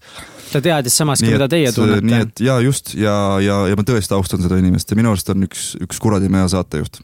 on äh,. ja, ja, ja, ja muidugi laulja ja bändimees. räägi mm. Eesti laulukogemusest et äh, kust üldse see otsus tuli, kas see on niisugune nagu loomulik asi, mida iga laulja peaks püüdma või, või kuidas sinu jaoks, miks sina läksid Eesti Laulule? Oli ju Superstaari saade, siis tuli otsa muusikaauhinnad, kus ma võitsin parima meesartisti mm -hmm. vist oli, eks ju. Ja siis kohe tuli otsa Eesti Laul tõesti. see oli kõik nii järjest. Siin on mulje jäänud praegu, et mul ei olnud mingit tiimi, et ma olin üksi, tegelikult mul oli tugev tiim, mul oli Universal, aga, aga, aga see ei tähenda seda, et ma ise teaks, mida ma tahan teha, et selles mõttes, see selleks tuli Eesti Laul ja variante oli palju, variante oli tõesti palju, et äh, pakuti ja, ja, ja ma mõtlesin tegelikult, et kuna eelmine aasta vaata oli ju just käinud Stig ja Elina Eurovisioonil, neil läks väga hästi. siis ma võtsin julguse kokku. Äh, ma rääkisin mingite inimestega veel enne seda, kui ma kirjutasin siis Stigile, et mis sa arvad, et kui läheks koos Eesti Laulule. ja ma kindlasti, noh, ma arvasin, et ma kindlasti saan sealt ei vastuseks, sest et nii ägedad inimesed nagu Stig Rästa võib-olla ei vaata ja ei ole kursist äh, selle saatega, sest et neil on nii palju tööd.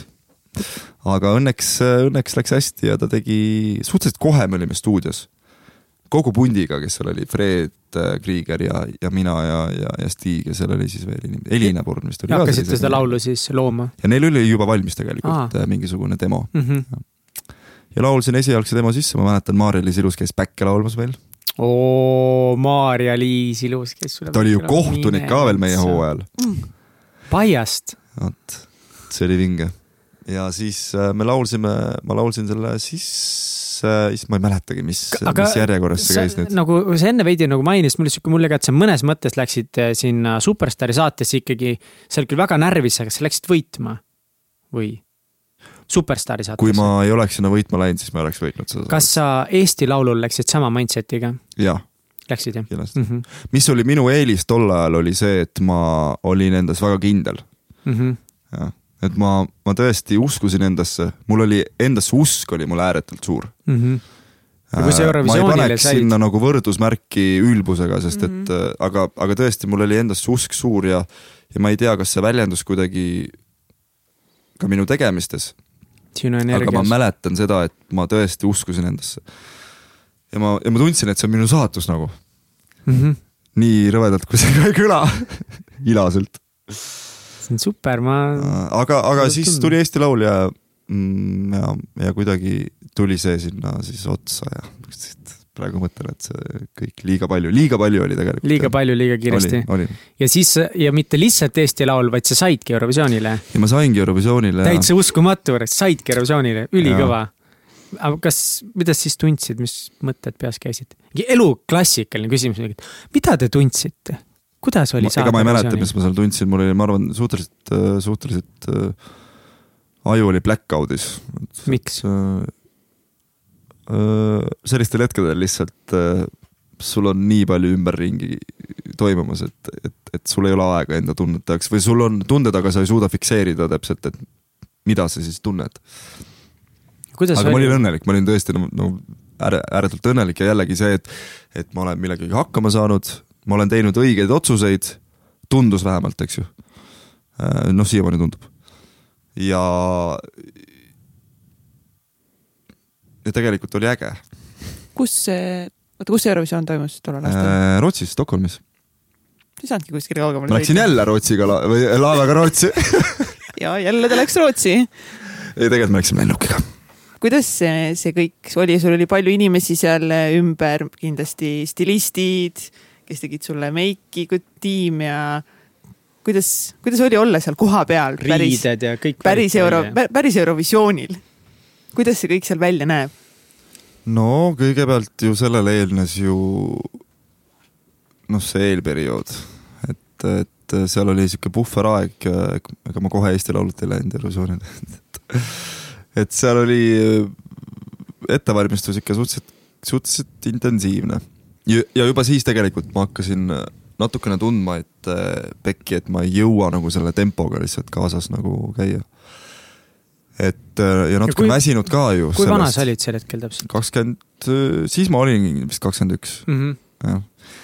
et äh, nii palju asju järjest ja tegelikult ju need väsitavad ära, mida ma tol ajal ei saanud aru üldse, et, et tegelikult mu organism äh, lihtsalt ei, ei, ei suutnud enam, ei suutnud enam tempoga kaasas käia.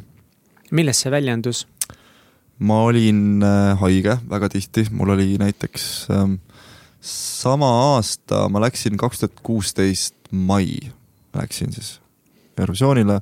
ma mäletan, et mul oli juba jaanuar, veebruar äh, ja märts oli mul iga kuu olid mul angiin äh,. väga raske angiin. Suraiss, see ei ole mingi niisama peavalu. see ei ole ja, ja, ja ma ja noh, see, kui sa sööd antibiootse sisse iga kuu, siis ta ikkagi nõrgestab seda, seda organismi tohutult ja, ja siis kuidagi ma sain üle sellest niimoodi, et ma, ma mõtlesin ennast terveks.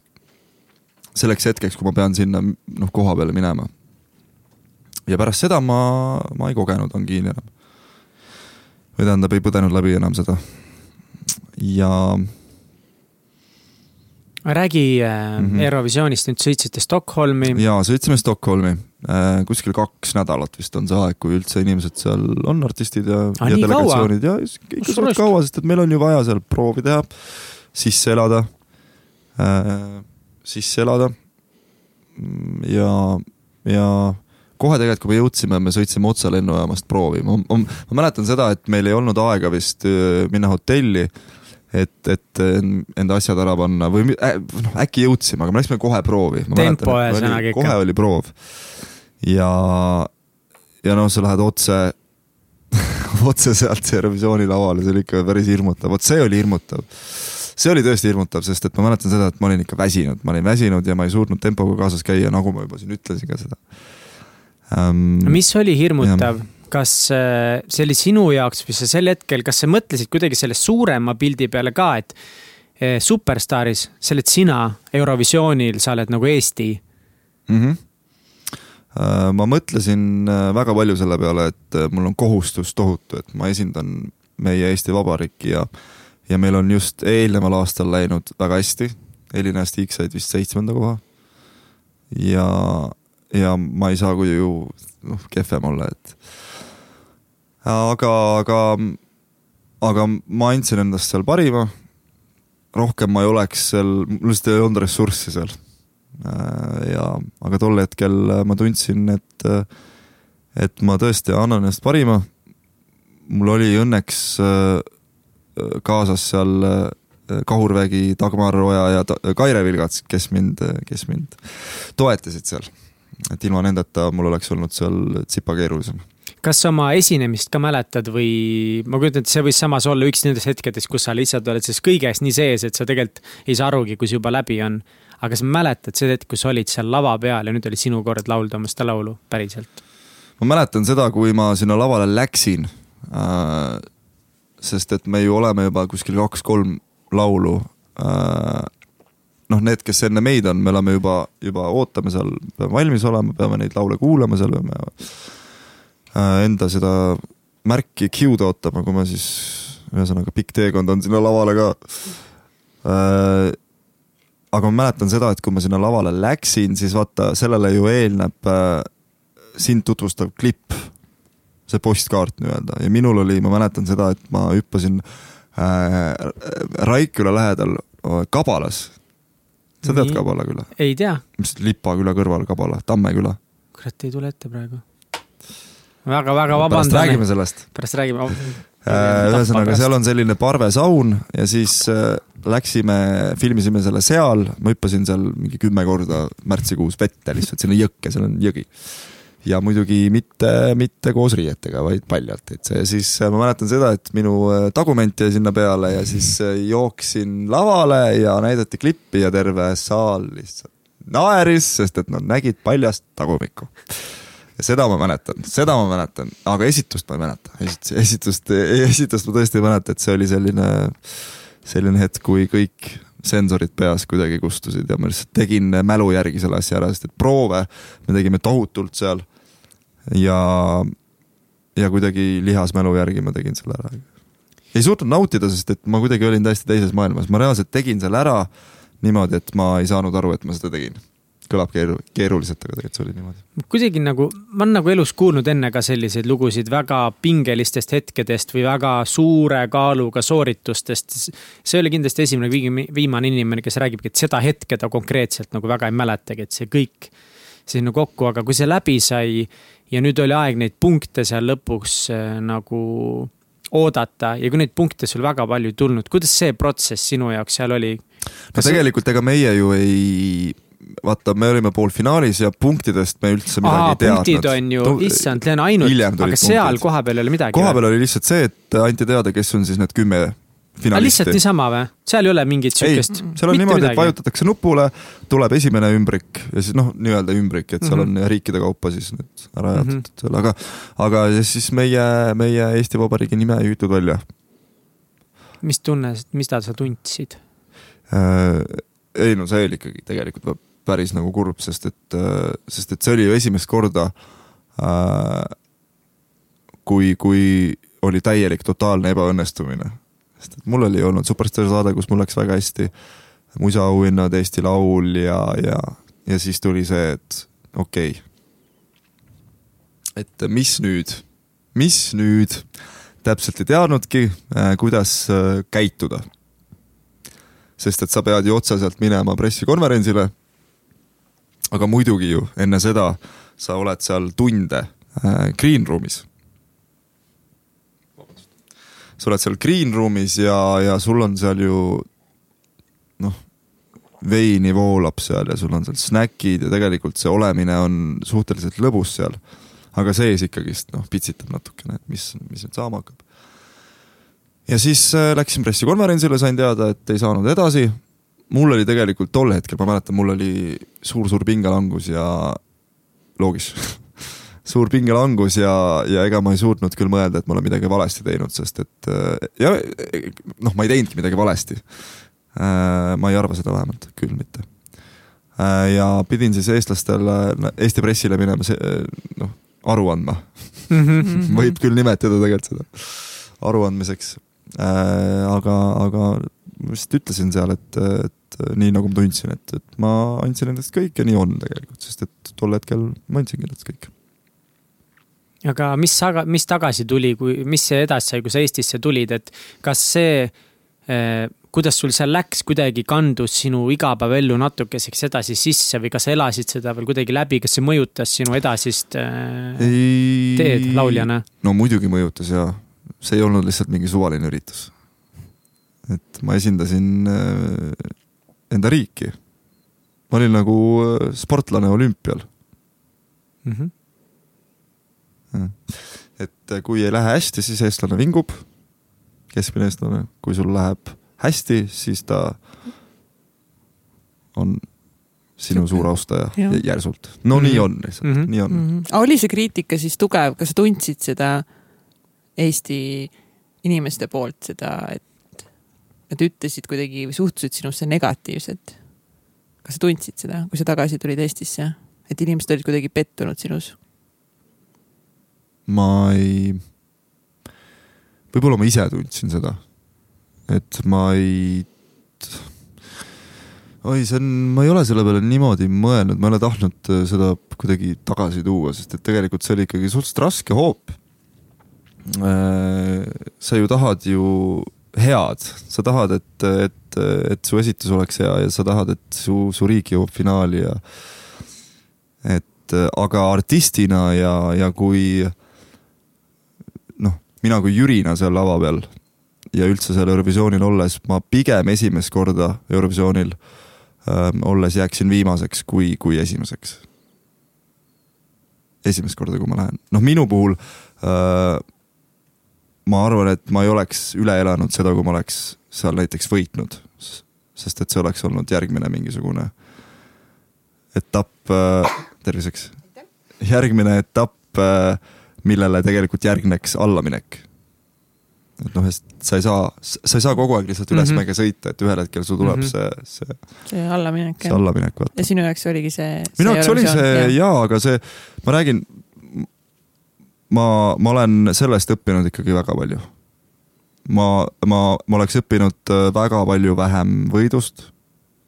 tol hetkel küll vähemalt, kui ma olin kakskümmend üks ja seal Rootsis me just eelmises ja. saates, mida me salvestasime, päris mitu korda mainisime vist ka seda, et ja kuskil praegu on viimase nädala jooksul üldse elus mul see väga palju teemaks on see, et võitudest, meie elu õnnestumistest on väga raske midagi õppida.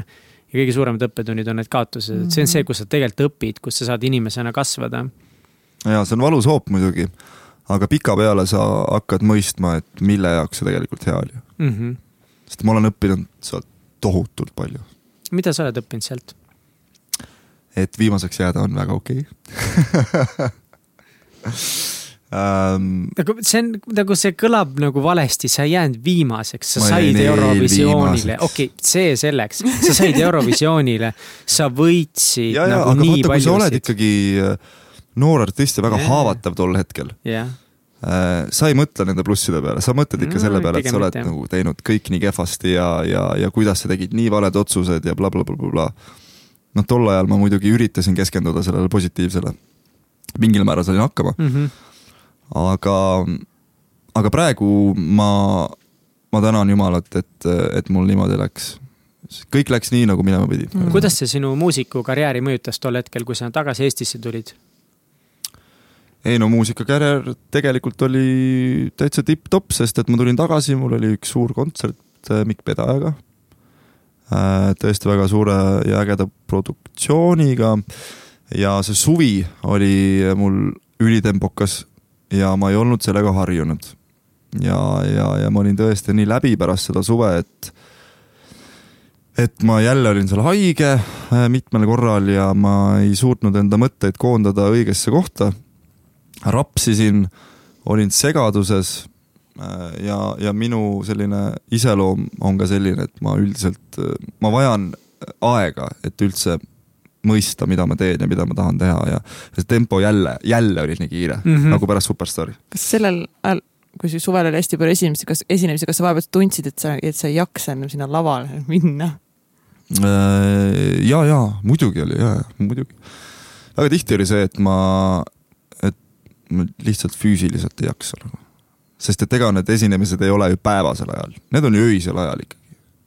Need on äh, kõige varajasem kellaaeg on pool kaks, kus sa lähed klubidesse esinema. ja sul on järgmine päev samamoodi uus keika ja nädala sees on sul mingisugused akustilised esinemised, ma muidugi väga nautisin neid ja mul on äh, selles mõttes väga vedanud, et, et mul niimoodi läks ja et mul oli tööd sellel ajal. aga see, see oli glamuurist väga kaugel. et inimestele jääb mulje küll tavaliselt, et mm et just artistid, lauljad, et nende elu ongi selline pidu ja pillerkaar ja glamuur ja käid muudkui esinemas ja kohtud fännidega ja annad meediale intervjuusid ja. no nii on jah. aga, aga, aga tegelikult, tegelikult äh, seal on see, see tagatuba on päriselt äh, natuke teine. mis hetkel sa otsustasid äh, üldse nagu muusikast natukese eemale astuda või natukese vähem teha? see oli tegelikult nüüd alles eelmine aasta noh, eelmine aasta mingisugune, ma ei mäleta, suve lõpp, suvi, jah, ma hakkasin mõtlema selle peale, no siis ma olin juba MyHits äh, raadios hommikut äh, teinud mm -hmm. juba mingi aasta äkki. ja mis seda otsust ajendas? et ma teen pausi või? jah ähm, oli vaja lihtsalt kuidagi mõtteid koondada niimoodi, et äh, ma küll ei olnud eriti aktiivne sel ajal aga mul oli vaja lihtsalt äh, psühholoogiliselt äh, katkestada korraks see programm enda peas, et ma saaks minna edasi värskemana ja tekitada ka enda jaoks ja kuulajate jaoks mingisugune defitsiit, et siis tulla nagu tugevamana tagasi. ma loodan. sa oled öelnud ka, et äh, ma ei tea, kas nagu praegu see vastab tõele, aga, aga mingil ajal, et sa väga tahtsid inimestele meeldida mm. -hmm. miks? Mm,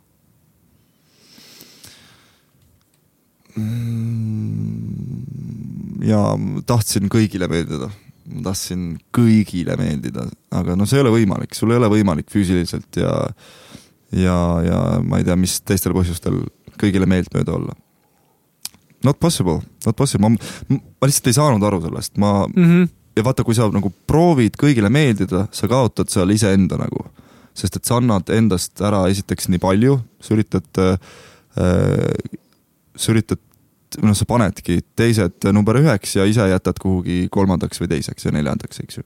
mis olid mingid asjad, mida sa tegid selle jaoks, et teistele meeldida, kus sa võib-olla panidki ennast tegelikult siis kuidagi oma päris tahet, oma päris ennast tahaplaanile ja tegid mingeid tegevusi selle jaoks, et teistele meeldida? no seal tegelikult ähm, see pigem vist oli niipidi, et, et mu ümber oli väga palju arvamusi ja nende arvamuste sees kadus ära minu enda arvamus. ja, ja, ja kuna ma ei julgenud eriti nagu enda arvamust öelda teistele. ja üldse ei öelda, on ju. ja üldse ei öelda, jah, ma üldse ei julgenud ei öelda. sest et see seostub sellega, et ma tahan kõigile meeldida, vaata on ju, kui sa ütled kellelegi ei, siis, siis see tähendab, et sa, keegi peab sinust pettuma mm. -hmm. ja ma ei mhm. tahtnud, et keegi minust pettub. ja tegelikult Eurovisioonil oli seesama asi, et ma proovisin kõigile meeldida kõigi arvamus oli minu jaoks oluline, sest et nemad olid targemad, nemad olid juba käinud Eurovisioonil, nemad olid äh, noh, a la Eesti Televisioon, kui me räägime laulukirjutajatest ja Universalist, nad olid, nad on kõik sellega kokku puutunud, mina ei olnud ja ehk siis ma proovisingi nagu miskit moodi äh, ühendada kõikide nende arvamused ja iseennast sealt nagu eemale jätta mm. -hmm. ja seda on juhtunud peale, peale Eurovisiooni ka muidugi ja, sest et äh, nagu ma olen juba kolmandat korda, neljandat korda öelnud, et ma olen sihuke pehmo äh, aga pikapeale ma olen kasvatanud endale natukene krobedama naha. ja nüüd, ja nüüd ma tunnen küll vähemalt, et ma, et ma olen leidnud iseennast sellel, sellel teekonnal. mis aitas sulle kaasa või mis tegevusi sa tegid, et iseennast uuesti leida? see paus. ja, ja, jah. reisidel käimine, puhkamine? jah, ma ei, pigem nagu ikkagi see, et sa pead äh, lõppude lõpuks iseendale otsa vaatama ja, ja ütlema, et niimoodi ei saa edasi nagu minna, et Minu sa ei saa nagu teistele keskenduda. Sorry, minu arust on pausi nagu raske võtta. see on, tegelikult see nõuab julgust ja see on jälle see, et, et et see, et keegi võtab mingisugusest oma igapäevast pausi, et mina võtaksin pausi nüüd, ma ei tea, kas mingit podcast'i tegemisest või mingitest muudest ettevõtmisest, mida ma teen. see on üliraske mm., ma kardan nii väga, et kui ma teen pausi nüüd milleski, mingid uksed lähevad kinni, sellepärast Mm. mm. ma teen pausi, ma kaotan selle momentumi, ma kaotan oma võimalused mu elus on palju tundub, mingit pausi teha või kõrvale astuda tundub nagu justkui nagu allaandmine. kuigi nagu see mina üldse ei vaadanud seda niipidi ma olen seda nii palju nagu kogenud mm. -hmm. ja kui ma olen mõelnud isegi tänagi, et kuidas nagu prioritiseerida asju, see on nagu nii raske Mhm. prioritiseerida, sest ma kardan nagu noh, kuidagi, et no minu puhul oli see, et ma teadsin seda, et prioriteet number üks pean olema mina ise, et ma ei saa enam, ma ei saa enam nagu muretseda teiste inimeste arvamuste pärast. et ma pean hakkama mõtlema selle peale, et sest et see on minu teekond, minu nimi on igal pool nagu noh, albumite peal ja, ja, ja et see olen mina. ja, ja ma tõesti külma südamega võtsin selle otsuse vastu, ma teadsin, et ma riskin sellega, et mind võidakse unustada. et, et tagasitulek võib olla veel raskem, eks ju. ma jään äh, mingitest võimalustest maha, nagu sa ütlesid, eks ju, et uksed sulgevad, aga samal ajal ma teadsin, et see paus peab mingil hetkel tulema ja ma, ja ma võtsin selle praegu. Aga mis, mis aitas sul see otsus teha, et see on nagu väga põnev, ma arvan, et, et sa ei ole ainuke inimene, kes on nagu mõelnud ja nagu ma ise ütlesin, et mina samamoodi olen nagu tundnud, et mis sul aitas kuidagi, kas oli midagi, mis aitas sul seda otsust teha või mis kuidagi nagu lõpuks, ma ei tea, andis selle tõdemuse või julguse, see oli see sisetunne. See sisetunne ja jaa, see oli see kõhutunne, mis on, mis on noh, tegelikult nii võimas. et sa pead usaldama iseennast ühel hetkel. Ja ma usaldasin iseennast, ma, ma ei kuulanud kedagi teist. ma, ma teadsin, et see otsus on ainult minu teha ja ma, ja ma, ja ma, täiesti külma kõhuga võtsin selle otsuse vastu. aga see on huvitav, sellepärast et sa enne seda ei teinud selliseid ei otsuseid, ei, ja nüüd sa järsku tegid. aga see oligi see teekond, kuhu noh, ma olin otsapidi jõudnud sinna, et ma pidin nagu ühel hetkel hakkama enda eest ise vastutama, et aga miks ei, miks sa teist- ikkagi tundsid, sa pidid enda eest vastutama hakkama?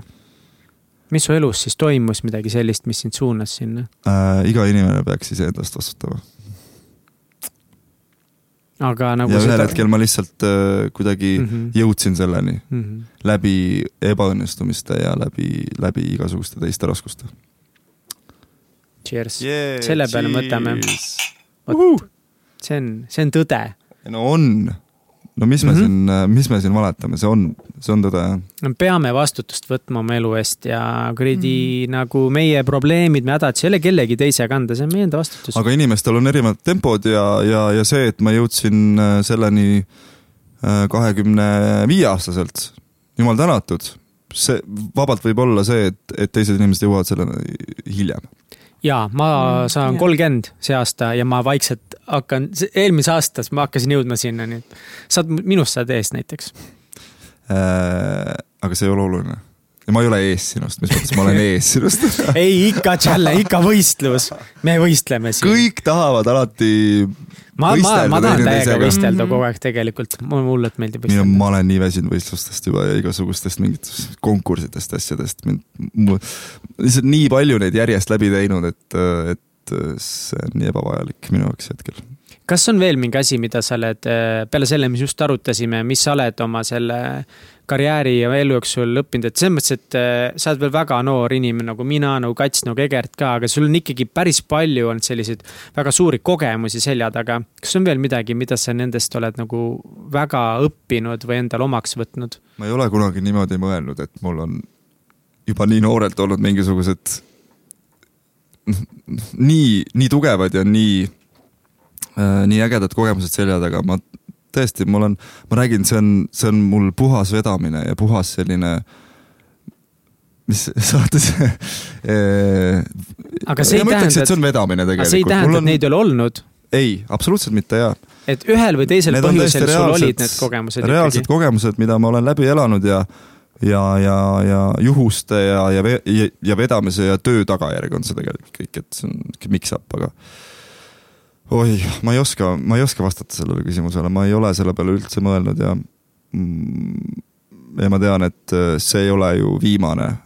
no noh, neid ebaõnnestumisi tuleb veel, mm. -hmm. jumal tänatud, ja jumal tänatud, et neid tuleb tuleb veel. nagu ikka Mihkel Raud ikka ütleb, oleme ebaõnnestumiste kõige suuremad fännid. ja, ja kusjuures äh, ma olen väga nõus sellega.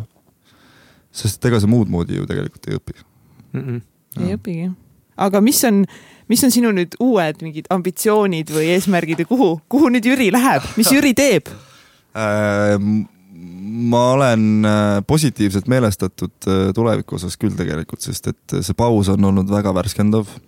no siiamaani kestab tegelikult, aga ma vaikselt flirdin juba selle teemaga, et, et, et uut muusikat välja lasta ja ja uute inimestega teha koostööd ja, ja niimoodi. Ja ma, ja ma pean ütlema, et, et äh, MyHitsi hommikuprogrammi tegemise kogemus on mind äh, väga palju kasvatanud. Ja aitäh äh, tervele tiimile, kes mul seal on. Ja, ja eriti Indrek Vaheojale, kes on minu kaassaatejuht, kes, sest et tema on olnud minu mentor terve, terve, terve selle aja jooksul, kui ma seal olen hommikut teinud, et Shout out to Indrek. shout out to Indrek, tema võiks Indrek. olla järgmine, järgmine külaline teil siin. võiks olla küll, nii et Ja, Indrek, kui sa nüüd kohe meid siin kuulad, onju, siis parem oleks, et kohe Ja. tulevad siin eh, sooviavaldused no meile. täpselt nii ja nii, aga positiivselt meelestatud tuleviku suunas, väga olen- cool. on mingid plaanid ka või praegu sa veel alles kompad, taha, kõigega ma? ei taha üldse nagu rääkida plaanidest, sest et Super, plaanid alati lähevad luhta, kui sa nendest räägid. Mis imelik uskumine see nüüd on? ongi no limiting self-belief. ei, see ei ole limit. limiting, ei, mis asja? ma olen natukene ebausklik lihtsalt, ei no või siis väga palju ikka. väga palju tegelikult. tegelikult ikka väga siis kui palju, must siis kass jookseb üle ma tee, siis Jüri on lihtsalt rääkida mingi. plaanidest, sest et äh, okei okay,, mitte alati, vaid plaanid võivad minna pekki. või asjad võivad lihtsalt muutuda. Asjaolud võivad aga ma olen äh, sellest olenemata väga positiivselt meelestatud tuleviku suhtes. ma tahan sellel aastal teha äh, väga palju uut, mida ma ei ole enda elu jooksul veel teinud. uh,. kõlab megapõnevalt. ma ütlen muusika, Mhm. haridus. okei, põnev. töö, puhkus samal ajal, balanss, uued tutvused mm, ja veel tuhat erinevat asju, mida ma tahaks ära teha selle aasta jooksul. kas ja sa mida ma, teen ka kindlasti, ma tean seda. davai, aga ainult siis, kui sa kellelegi ei räägi nendest.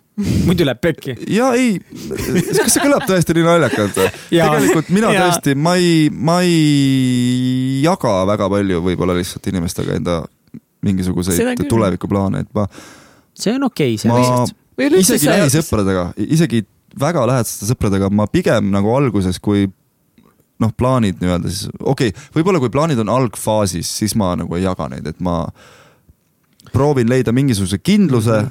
ja siis alles jagada. on nagu kahte sorti koolkonda väga tugevalt, et on, et on noh, kui me räägime inimestest, kes mingi tegelevad äh, koolitamistega, see on üks koolkond, kes päris palju push ibki just seda ideed, et kui sul on mingi plaan, mingi idee algfaasis, et sa pead seda kaitsma nagu oma beebit.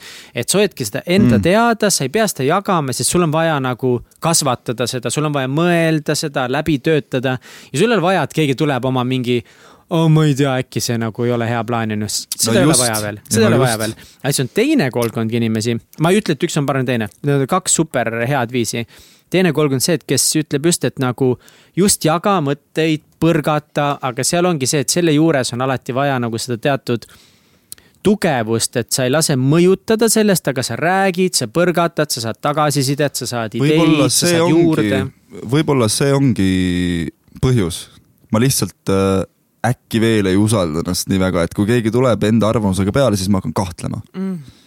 et see, et see veel on minu puhul küll äh, üks asi, mida ma tahaks parandada, et ma pean olema endas kindlam, ma olin kunagi väga kindel endas, ma mäletan, aga praegu on mingisugused ikkagi noh, ebaõnnestumised ja asjad ikka panevad sind kahtlema uh, end- enda võimetes, eks ju. Mm.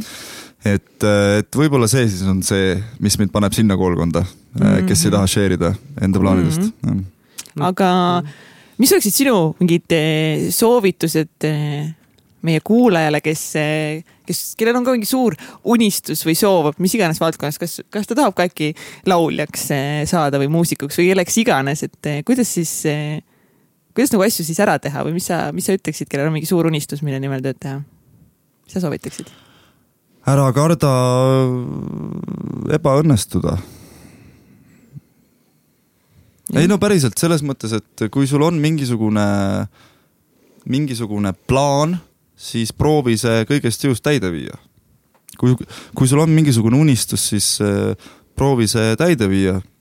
see ei tähenda seda, et see läheb täide, aga see, see võib sind viia äh, ebaõnnestumiseni, see võib sind viia mm, selle unistuse täideviimiseni, aga, aga lihtsalt igal juhul proovi vähemalt täiesti jõust nagu midagi teha.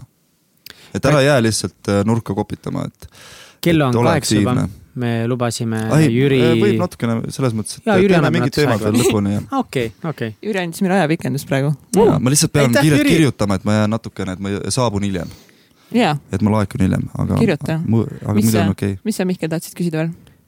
ma tahtsingi seda mainida, et kuidas meil seal Jüri aeg mm -hmm. on. aga selles mõttes ma arvan, et äkki me võime välkküsimuste peale äkki liikuda, et meil lõpus hakkame ja. välgutama nii, äh, Jüri kirjutab inimestele ära, et ta jääb hiljaks, sellepärast et ta pläkutab Mihkli ja Katsiga.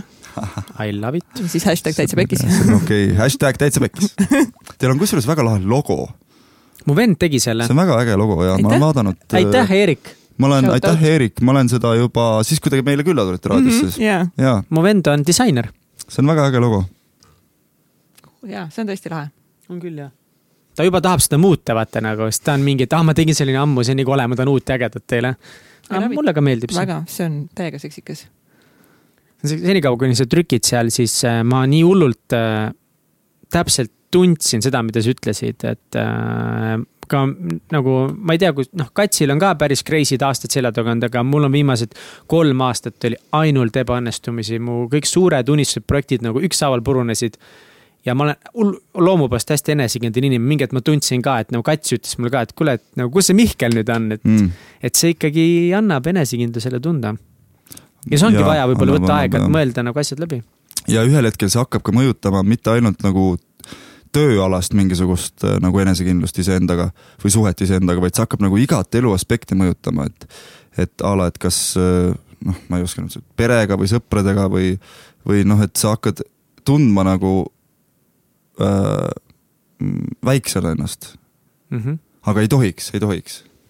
et kui sul mhm. mingisugused ebaõnnestumised on, siis, siis koheselt sa pead endale sisse äh, äh, sissepoole suunama nagu selliseid mõtteid, et, et see on hea, see tuleb mulle kasuks kunagi, ma praegu võib-olla ei pruugi, pruugi sellest aru saada, aga tulevikus ma saan sellest aru, see on väga raske, aga, aga tegelikult on niimoodi aga üks asi, mis ma tahtsin veel, veel öelda, mis on minu meelest Jüri puhul ülilahe, et kui sa vaatad eh, Jüri Pootsmani Instagrami, siis see on nagu noh, need pildid on nii ehedad, nii ausad ja täiesti nagu.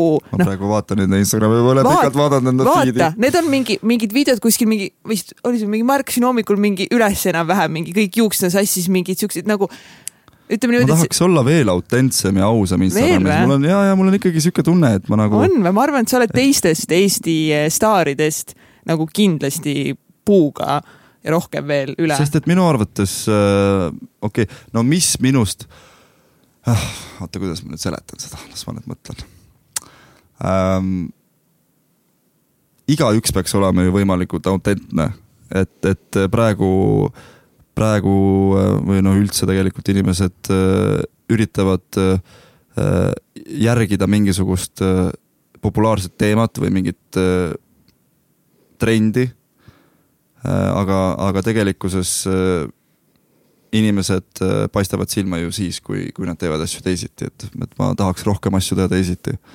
aga julgust selle jaoks peaks olema ka, selle jaoks peaks olema julgust ja mõnes mõttes ka sellist ähm, äh, kõige lihtsam äh, on seda öelda, mingi pohhui attitude mm, -hmm. selline, et mul on pohhui. pohhulitit on vaja. et vahepeal on vaja lihtsalt, vahepeal on vaja nagu öelda endale, et suva mm. -hmm. Sest et see, ega kui sa muretsed, ega see ei aita kaasa ei, absoluutselt asjadele, mitte. et sa pead lihtsalt mõned asjad äh, laskma endast äh, mööda minna. see toimib, see täiesti toimib, kui See sa ütled küll, endale, et mul on pohhui. ma olen mitu korda seda praktiseerinud, ma ütlen endale, mul on pohhui, mul on pohhui, mul on pohhui, mul on pohhui, mul on pohhui. kui sa ütled mingi kümme korda, ütle nii ja kiiresti siis. lõpuks sul ongi pohhui. ongi pohhui. uskumatu. ja ongi, testi kallis kuulaja, sul on elus praegu Jah. mingi, mingi asi, mida sa tahaksid teha, aga ei julge, siis lihtsalt korruta hästi kiiresti pohhui, pohhui, pohhui, pohhui ja siis sõnal on teed. väga tugev jõud, sõnal on väga tugev jõud tegelikult, et kui sa äh, igal hommikul ütled äh, mingisuguseid teatud asju, mida sa soovid endalt või maailmalt või universumilt, siis sa lõppude lõpuks, kui sa oled hea poiss või tüdruk, siis sa ka saad need endale. täiega. Jüri Pootsman, jaa, kas sul on olulisi rutiine või harjumusi, mida sa teed iganädalaselt või igapäevaselt? Kas sa üldse said aru, mis ma ütlesin? Äh, ja, ja ma sain aru ja äh, ma. no me ei arvesta siin kindlasti praegu tööd ja selliseid kohustusi või mida iganes sa tahad öelda, see on õige. ähm,? ma praegu mõtlen, et siit peaks midagi väga tarka praegu tulema välja. esi, esimene emotsioon. Meil oli see ausus, autentsus, esimene esimene, emotsioon oli see, et mul on pea täiesti tühi, super. Väga hea, järgmine küsimus on see, et. sest et äh, oota, ma natuke selgitan ka Jah. Ega inimesel ei pea olema mingisuguseid igapäevatraditsioone ja, ja me ei pea, ma ei pea olema. siin praegu ütlema, et äh, mismoodi, et mu elu on nii paigas ja korras ja mul on iga päev käin trennis. ei, see ei ole see koht. söön äh, seda mingisugust maltsa hommikul, et saada kõhnemaks, eks ju, ei. eile mina näiteks tellisin endale Hesburgerit koju ja ma Aga- sõin Hesburgerit. aga kui meie kokku saime, siis sa sõid lihtsalt mingi suure kapsa nagu Jaa. reaalselt nagu päris pool kapsast. sest et mulle teenindaja soovitas seda, ma ei suutnud ei öelda sellele. See oli jälle, ma ei saa ei öelda ju. ei tahtnud temast pettumust valmistada. ta ütles, et see on hea ja siis ma lihtsalt uskusin, et see on hea ja siis, ei, tegelikult oligi väga hea. aga lihtsalt väga suur kapsapea oli mul seal taldrikul. suurepärane oli see, maitses väga hästi. gorgonzola kaste oli seal peal, see tegi asja paremaks. see selleks mm, -hmm. et äh, mul ei ole, mul on vähe selliseid rutiine mm. Mhm. aga, aga vahepeal ma, ma ei, no ma käin jooksmas üritan käia võimalikult tihti jooksmas, nädalas paar korda kindlasti peab käima, aga näiteks eelmine ega üle-eelmine nädal ma ei jõudnud üldse jooksmas, sest et ilm on nii kehv ja, ja, ja energiat on vähe äh, praegusel ajal äh, selle ilmaga seoses mm,. ma üritan äh, peale jooksmise veel teisi trenne teha reketi spordialad mulle väga meeldivad, ma käin tennist mängimas nüüd detsembris ma jõudsin vähe, aga muidu mul on noh, mingid püsiajad sõpradega, me käime. sellist asja nagu padel, ma ei tea, kas te olete kuulnud padelist? kusjuures ma olen sellest kuulnud, Never sellest heard. rääkis mulle äh, Jan Uuspõld. jep, padel on selline spordiala, mis siis on välja kujunenud, see on väga populaarne Hispaanias näiteks. See on äh, squashi ja tennise selline mingisugune ristsugutis, et tal on äh, klaasseinad ümber. nagu squashil. nagu squashil, tal on selline vaipkate, ta on väiksem kui tenniseväljak. seda saab mängida ainult paarismängus. või tähendab äh, paarismänguna, et see on nagu, kui sa hakkad kujutama ette, et äh, tennist, siis ta on nagu rohkem ikkagi sarnaneb tennisele kui squash, squashile, et sul on äh, keskel on võrk ja sul on noh, aga reket on täiesti teistsugune, reket on selline äh, hästi paks ja hästi kerge, seal on mingisugused augud sees, aga tennisepalli äh, moodi pall on, on natuke okay., natukene raskem, ühesõnaga Pabel. seda mängin padel, padel, nagu see paddleboard. paddle, paddle. ta on nagu paddle tennis inglise keeles. väga põnev, okei. seda ma mängin suhteliselt äh, palju jumal tänatud, et mulle on, on mingisugused spordiasjad, mis mulle meeldib, sest et ma ei ole kunagi olnud spordiinimene. aa, ja ma olen leidnud Google'ist mingisuguseid, jah, ja ma olen leidnud mingisugused asjad, mis mulle meeldivad, mis on äge tegelikult. et, et need spordialad äh, motiveerivad mind. aga ega midagi muud ei olegi, selles mõttes, et üritan äh, iga päev endale sisestada, et, et, et hommikuti just, et äh, täna tuleb väga hea päev. Teen voodi ära, hommikune rutiin on küll see, et ma teen äh, voodi ära, oh,. jaa, see on mul olnud juba väga pikka aega. siis sa oled juba, juba võitnud päeva. ma olen midagi teinud lihtsalt Jaa. ja et See on see, et see on lahe. okei okay,, järgmine küsimus on see, et milles sa väga hea ei ole? äh, valetamises, That's a nice thing to have. mille üle sa oled kõige uhkem oma elus? äh, mul on suurepärane pere ja suurepärased sõbrad. Ma ei tea, kas nad küll ei- noh ähm,, ma sihuke tunne, et ma sa ei pea vabandama ütlema, oma ma vastuse peaksin pärast. ütlema mingisugused saavutused või ei asjad, pea ei, mis mul on- asja, sa saad mul on valesti, aru. mul on väga suur äh, rõõm selle üle, et mul on toetavad sõbrad ja, ja mul on pere, kes mind väga armastab ja mina armastan neid vastu ja mul on, ja mul on olnud see Taani aasta kogemus, see, see, nagu selle üle ma olen tõesti uhke, sest et eh, ega see ei olnud üldse lihtne. aga, aga ta oli väga äge läbi elada ja teda oli väga äge läbi elada ja, ja, ja on mulle väga palju juurde andnud inimesena, lauljana ja, ja nii on. mis on kõige pöörasem asi, mis sa elus teinud oled ja kas sa teeksid seda uuesti? Jesus Christ oh,. nii, mis ma teinud olen nüüd hullu, ma ei ole üldse kunagi eriti mingi rebel olnud, ma olen suhteliselt äh, äh, selline pehmo, nagu ma, mulle meeldib reegleid järgida äh,. ma, siis ma peaks nüüd midagi väga põnevat siia mõtlema juurde, aga ma ei oska valetada ju äh,. Mis, mis teie teinud olete, mis on, mis on siis? ma ei tea, aga ma tean vähemalt seda, et ma ei ole paljana hüpanud kuskile jõkke, siis terve Euroopa on näinud seda aa näiteks. jaa, jah, see võib-olla on selline Oh. kõige crazy im asi, terve Euroopa ees enda perset näidata. That's something. That is nagu meil something. That Raikkülas is öeldakse something., varum nicht, varum nicht, varum nicht. tugevad saksa mõjutused on seal Raikkülas meil küll jah. mis on edu võti? ma arvan, et te teate seda. Jüri Pootsman, mis on edu võti? ebaõnnestumised, ma arvan. minu kord. üks ah, nendest, üks nendest paljudest asjadest. ma ei tea, mis on edu võti, ma, ma ei tea, mis on edu valem, kui keegi teab, siis. ei, kuule, su vastus on väga hea, sa ei pea vabandama vastuste ma ei pärast., ma ei vabandanud kordagi. ongi noh, ma Ei olen vabanda- õppinud mitte vabandama, sest et ma Jaa. ütlesin kunagi liiga tihti sorry, sorry, sorry, sorry, Mm. sorry, sorry, sorry, sorry, sorry, sorry, sorry, Jah. sorry, kogu aeg ainult soristasin. ei ole põhjust, ei ei, ole muidugi. sirg sirgu ja siis ole see, kes oled, täpselt. skaalal ühest kümneni, kümme. kui veider sa oled?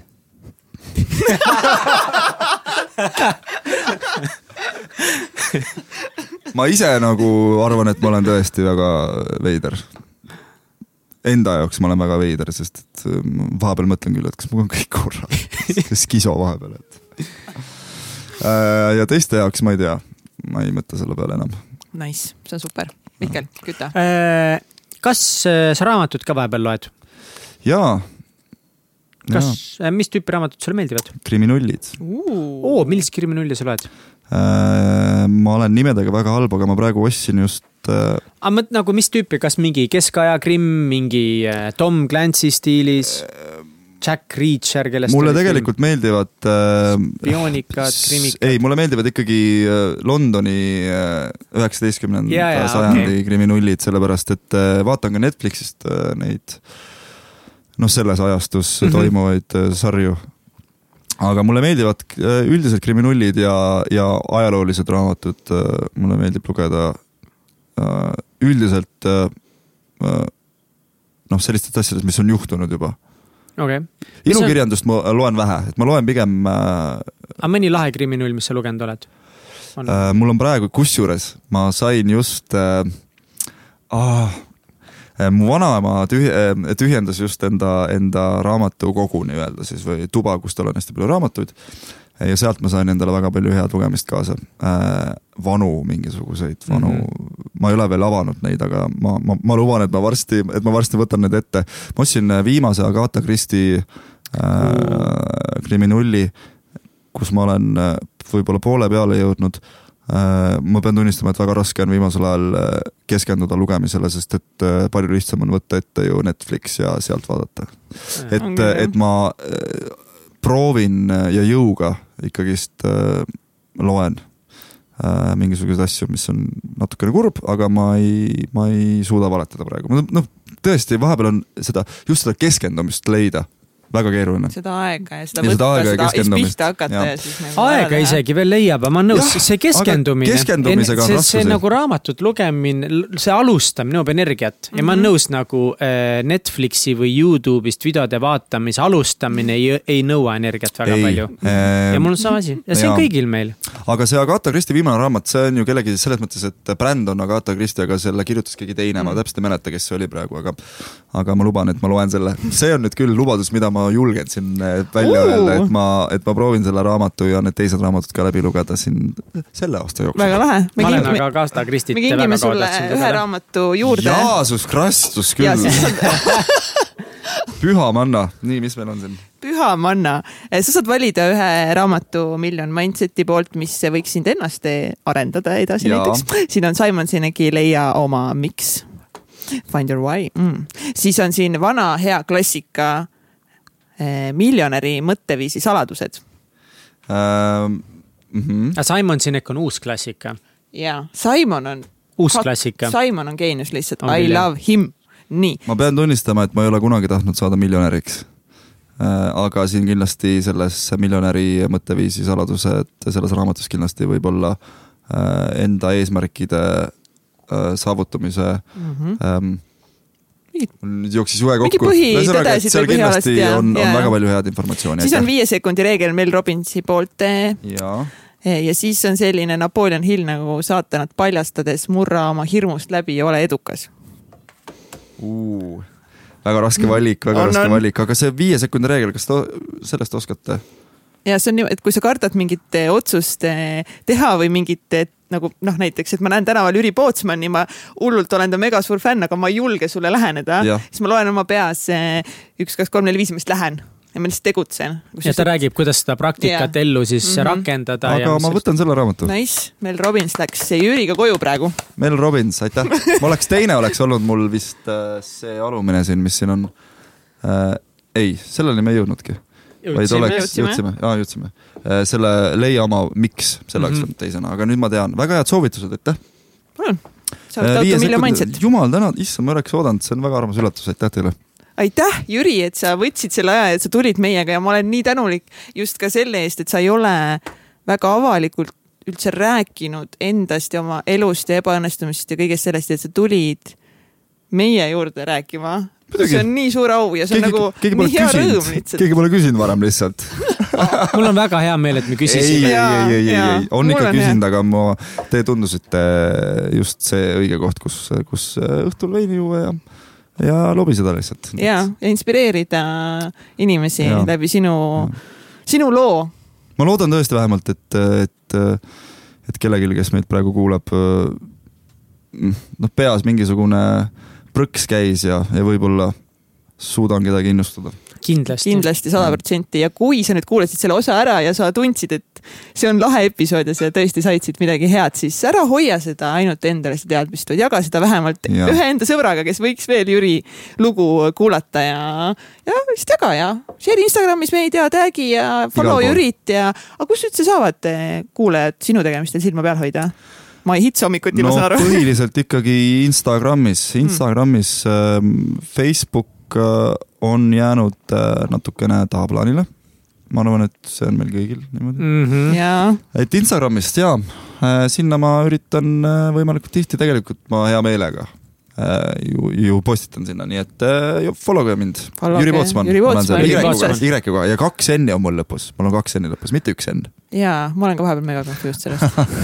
kumb sa nüüd oled? aga aitäh teile, cheers. aitäh ja nagu äh, Kats ütles, sul on lahe insta, aga mina tänaks veel omalt poolt äh, siit äh, Egertit ja, ja. Egert, meie tehniline juht, Triin Tallo, peatoimetaja ja Mihkel ja Kats nagu ikka ajavad segast.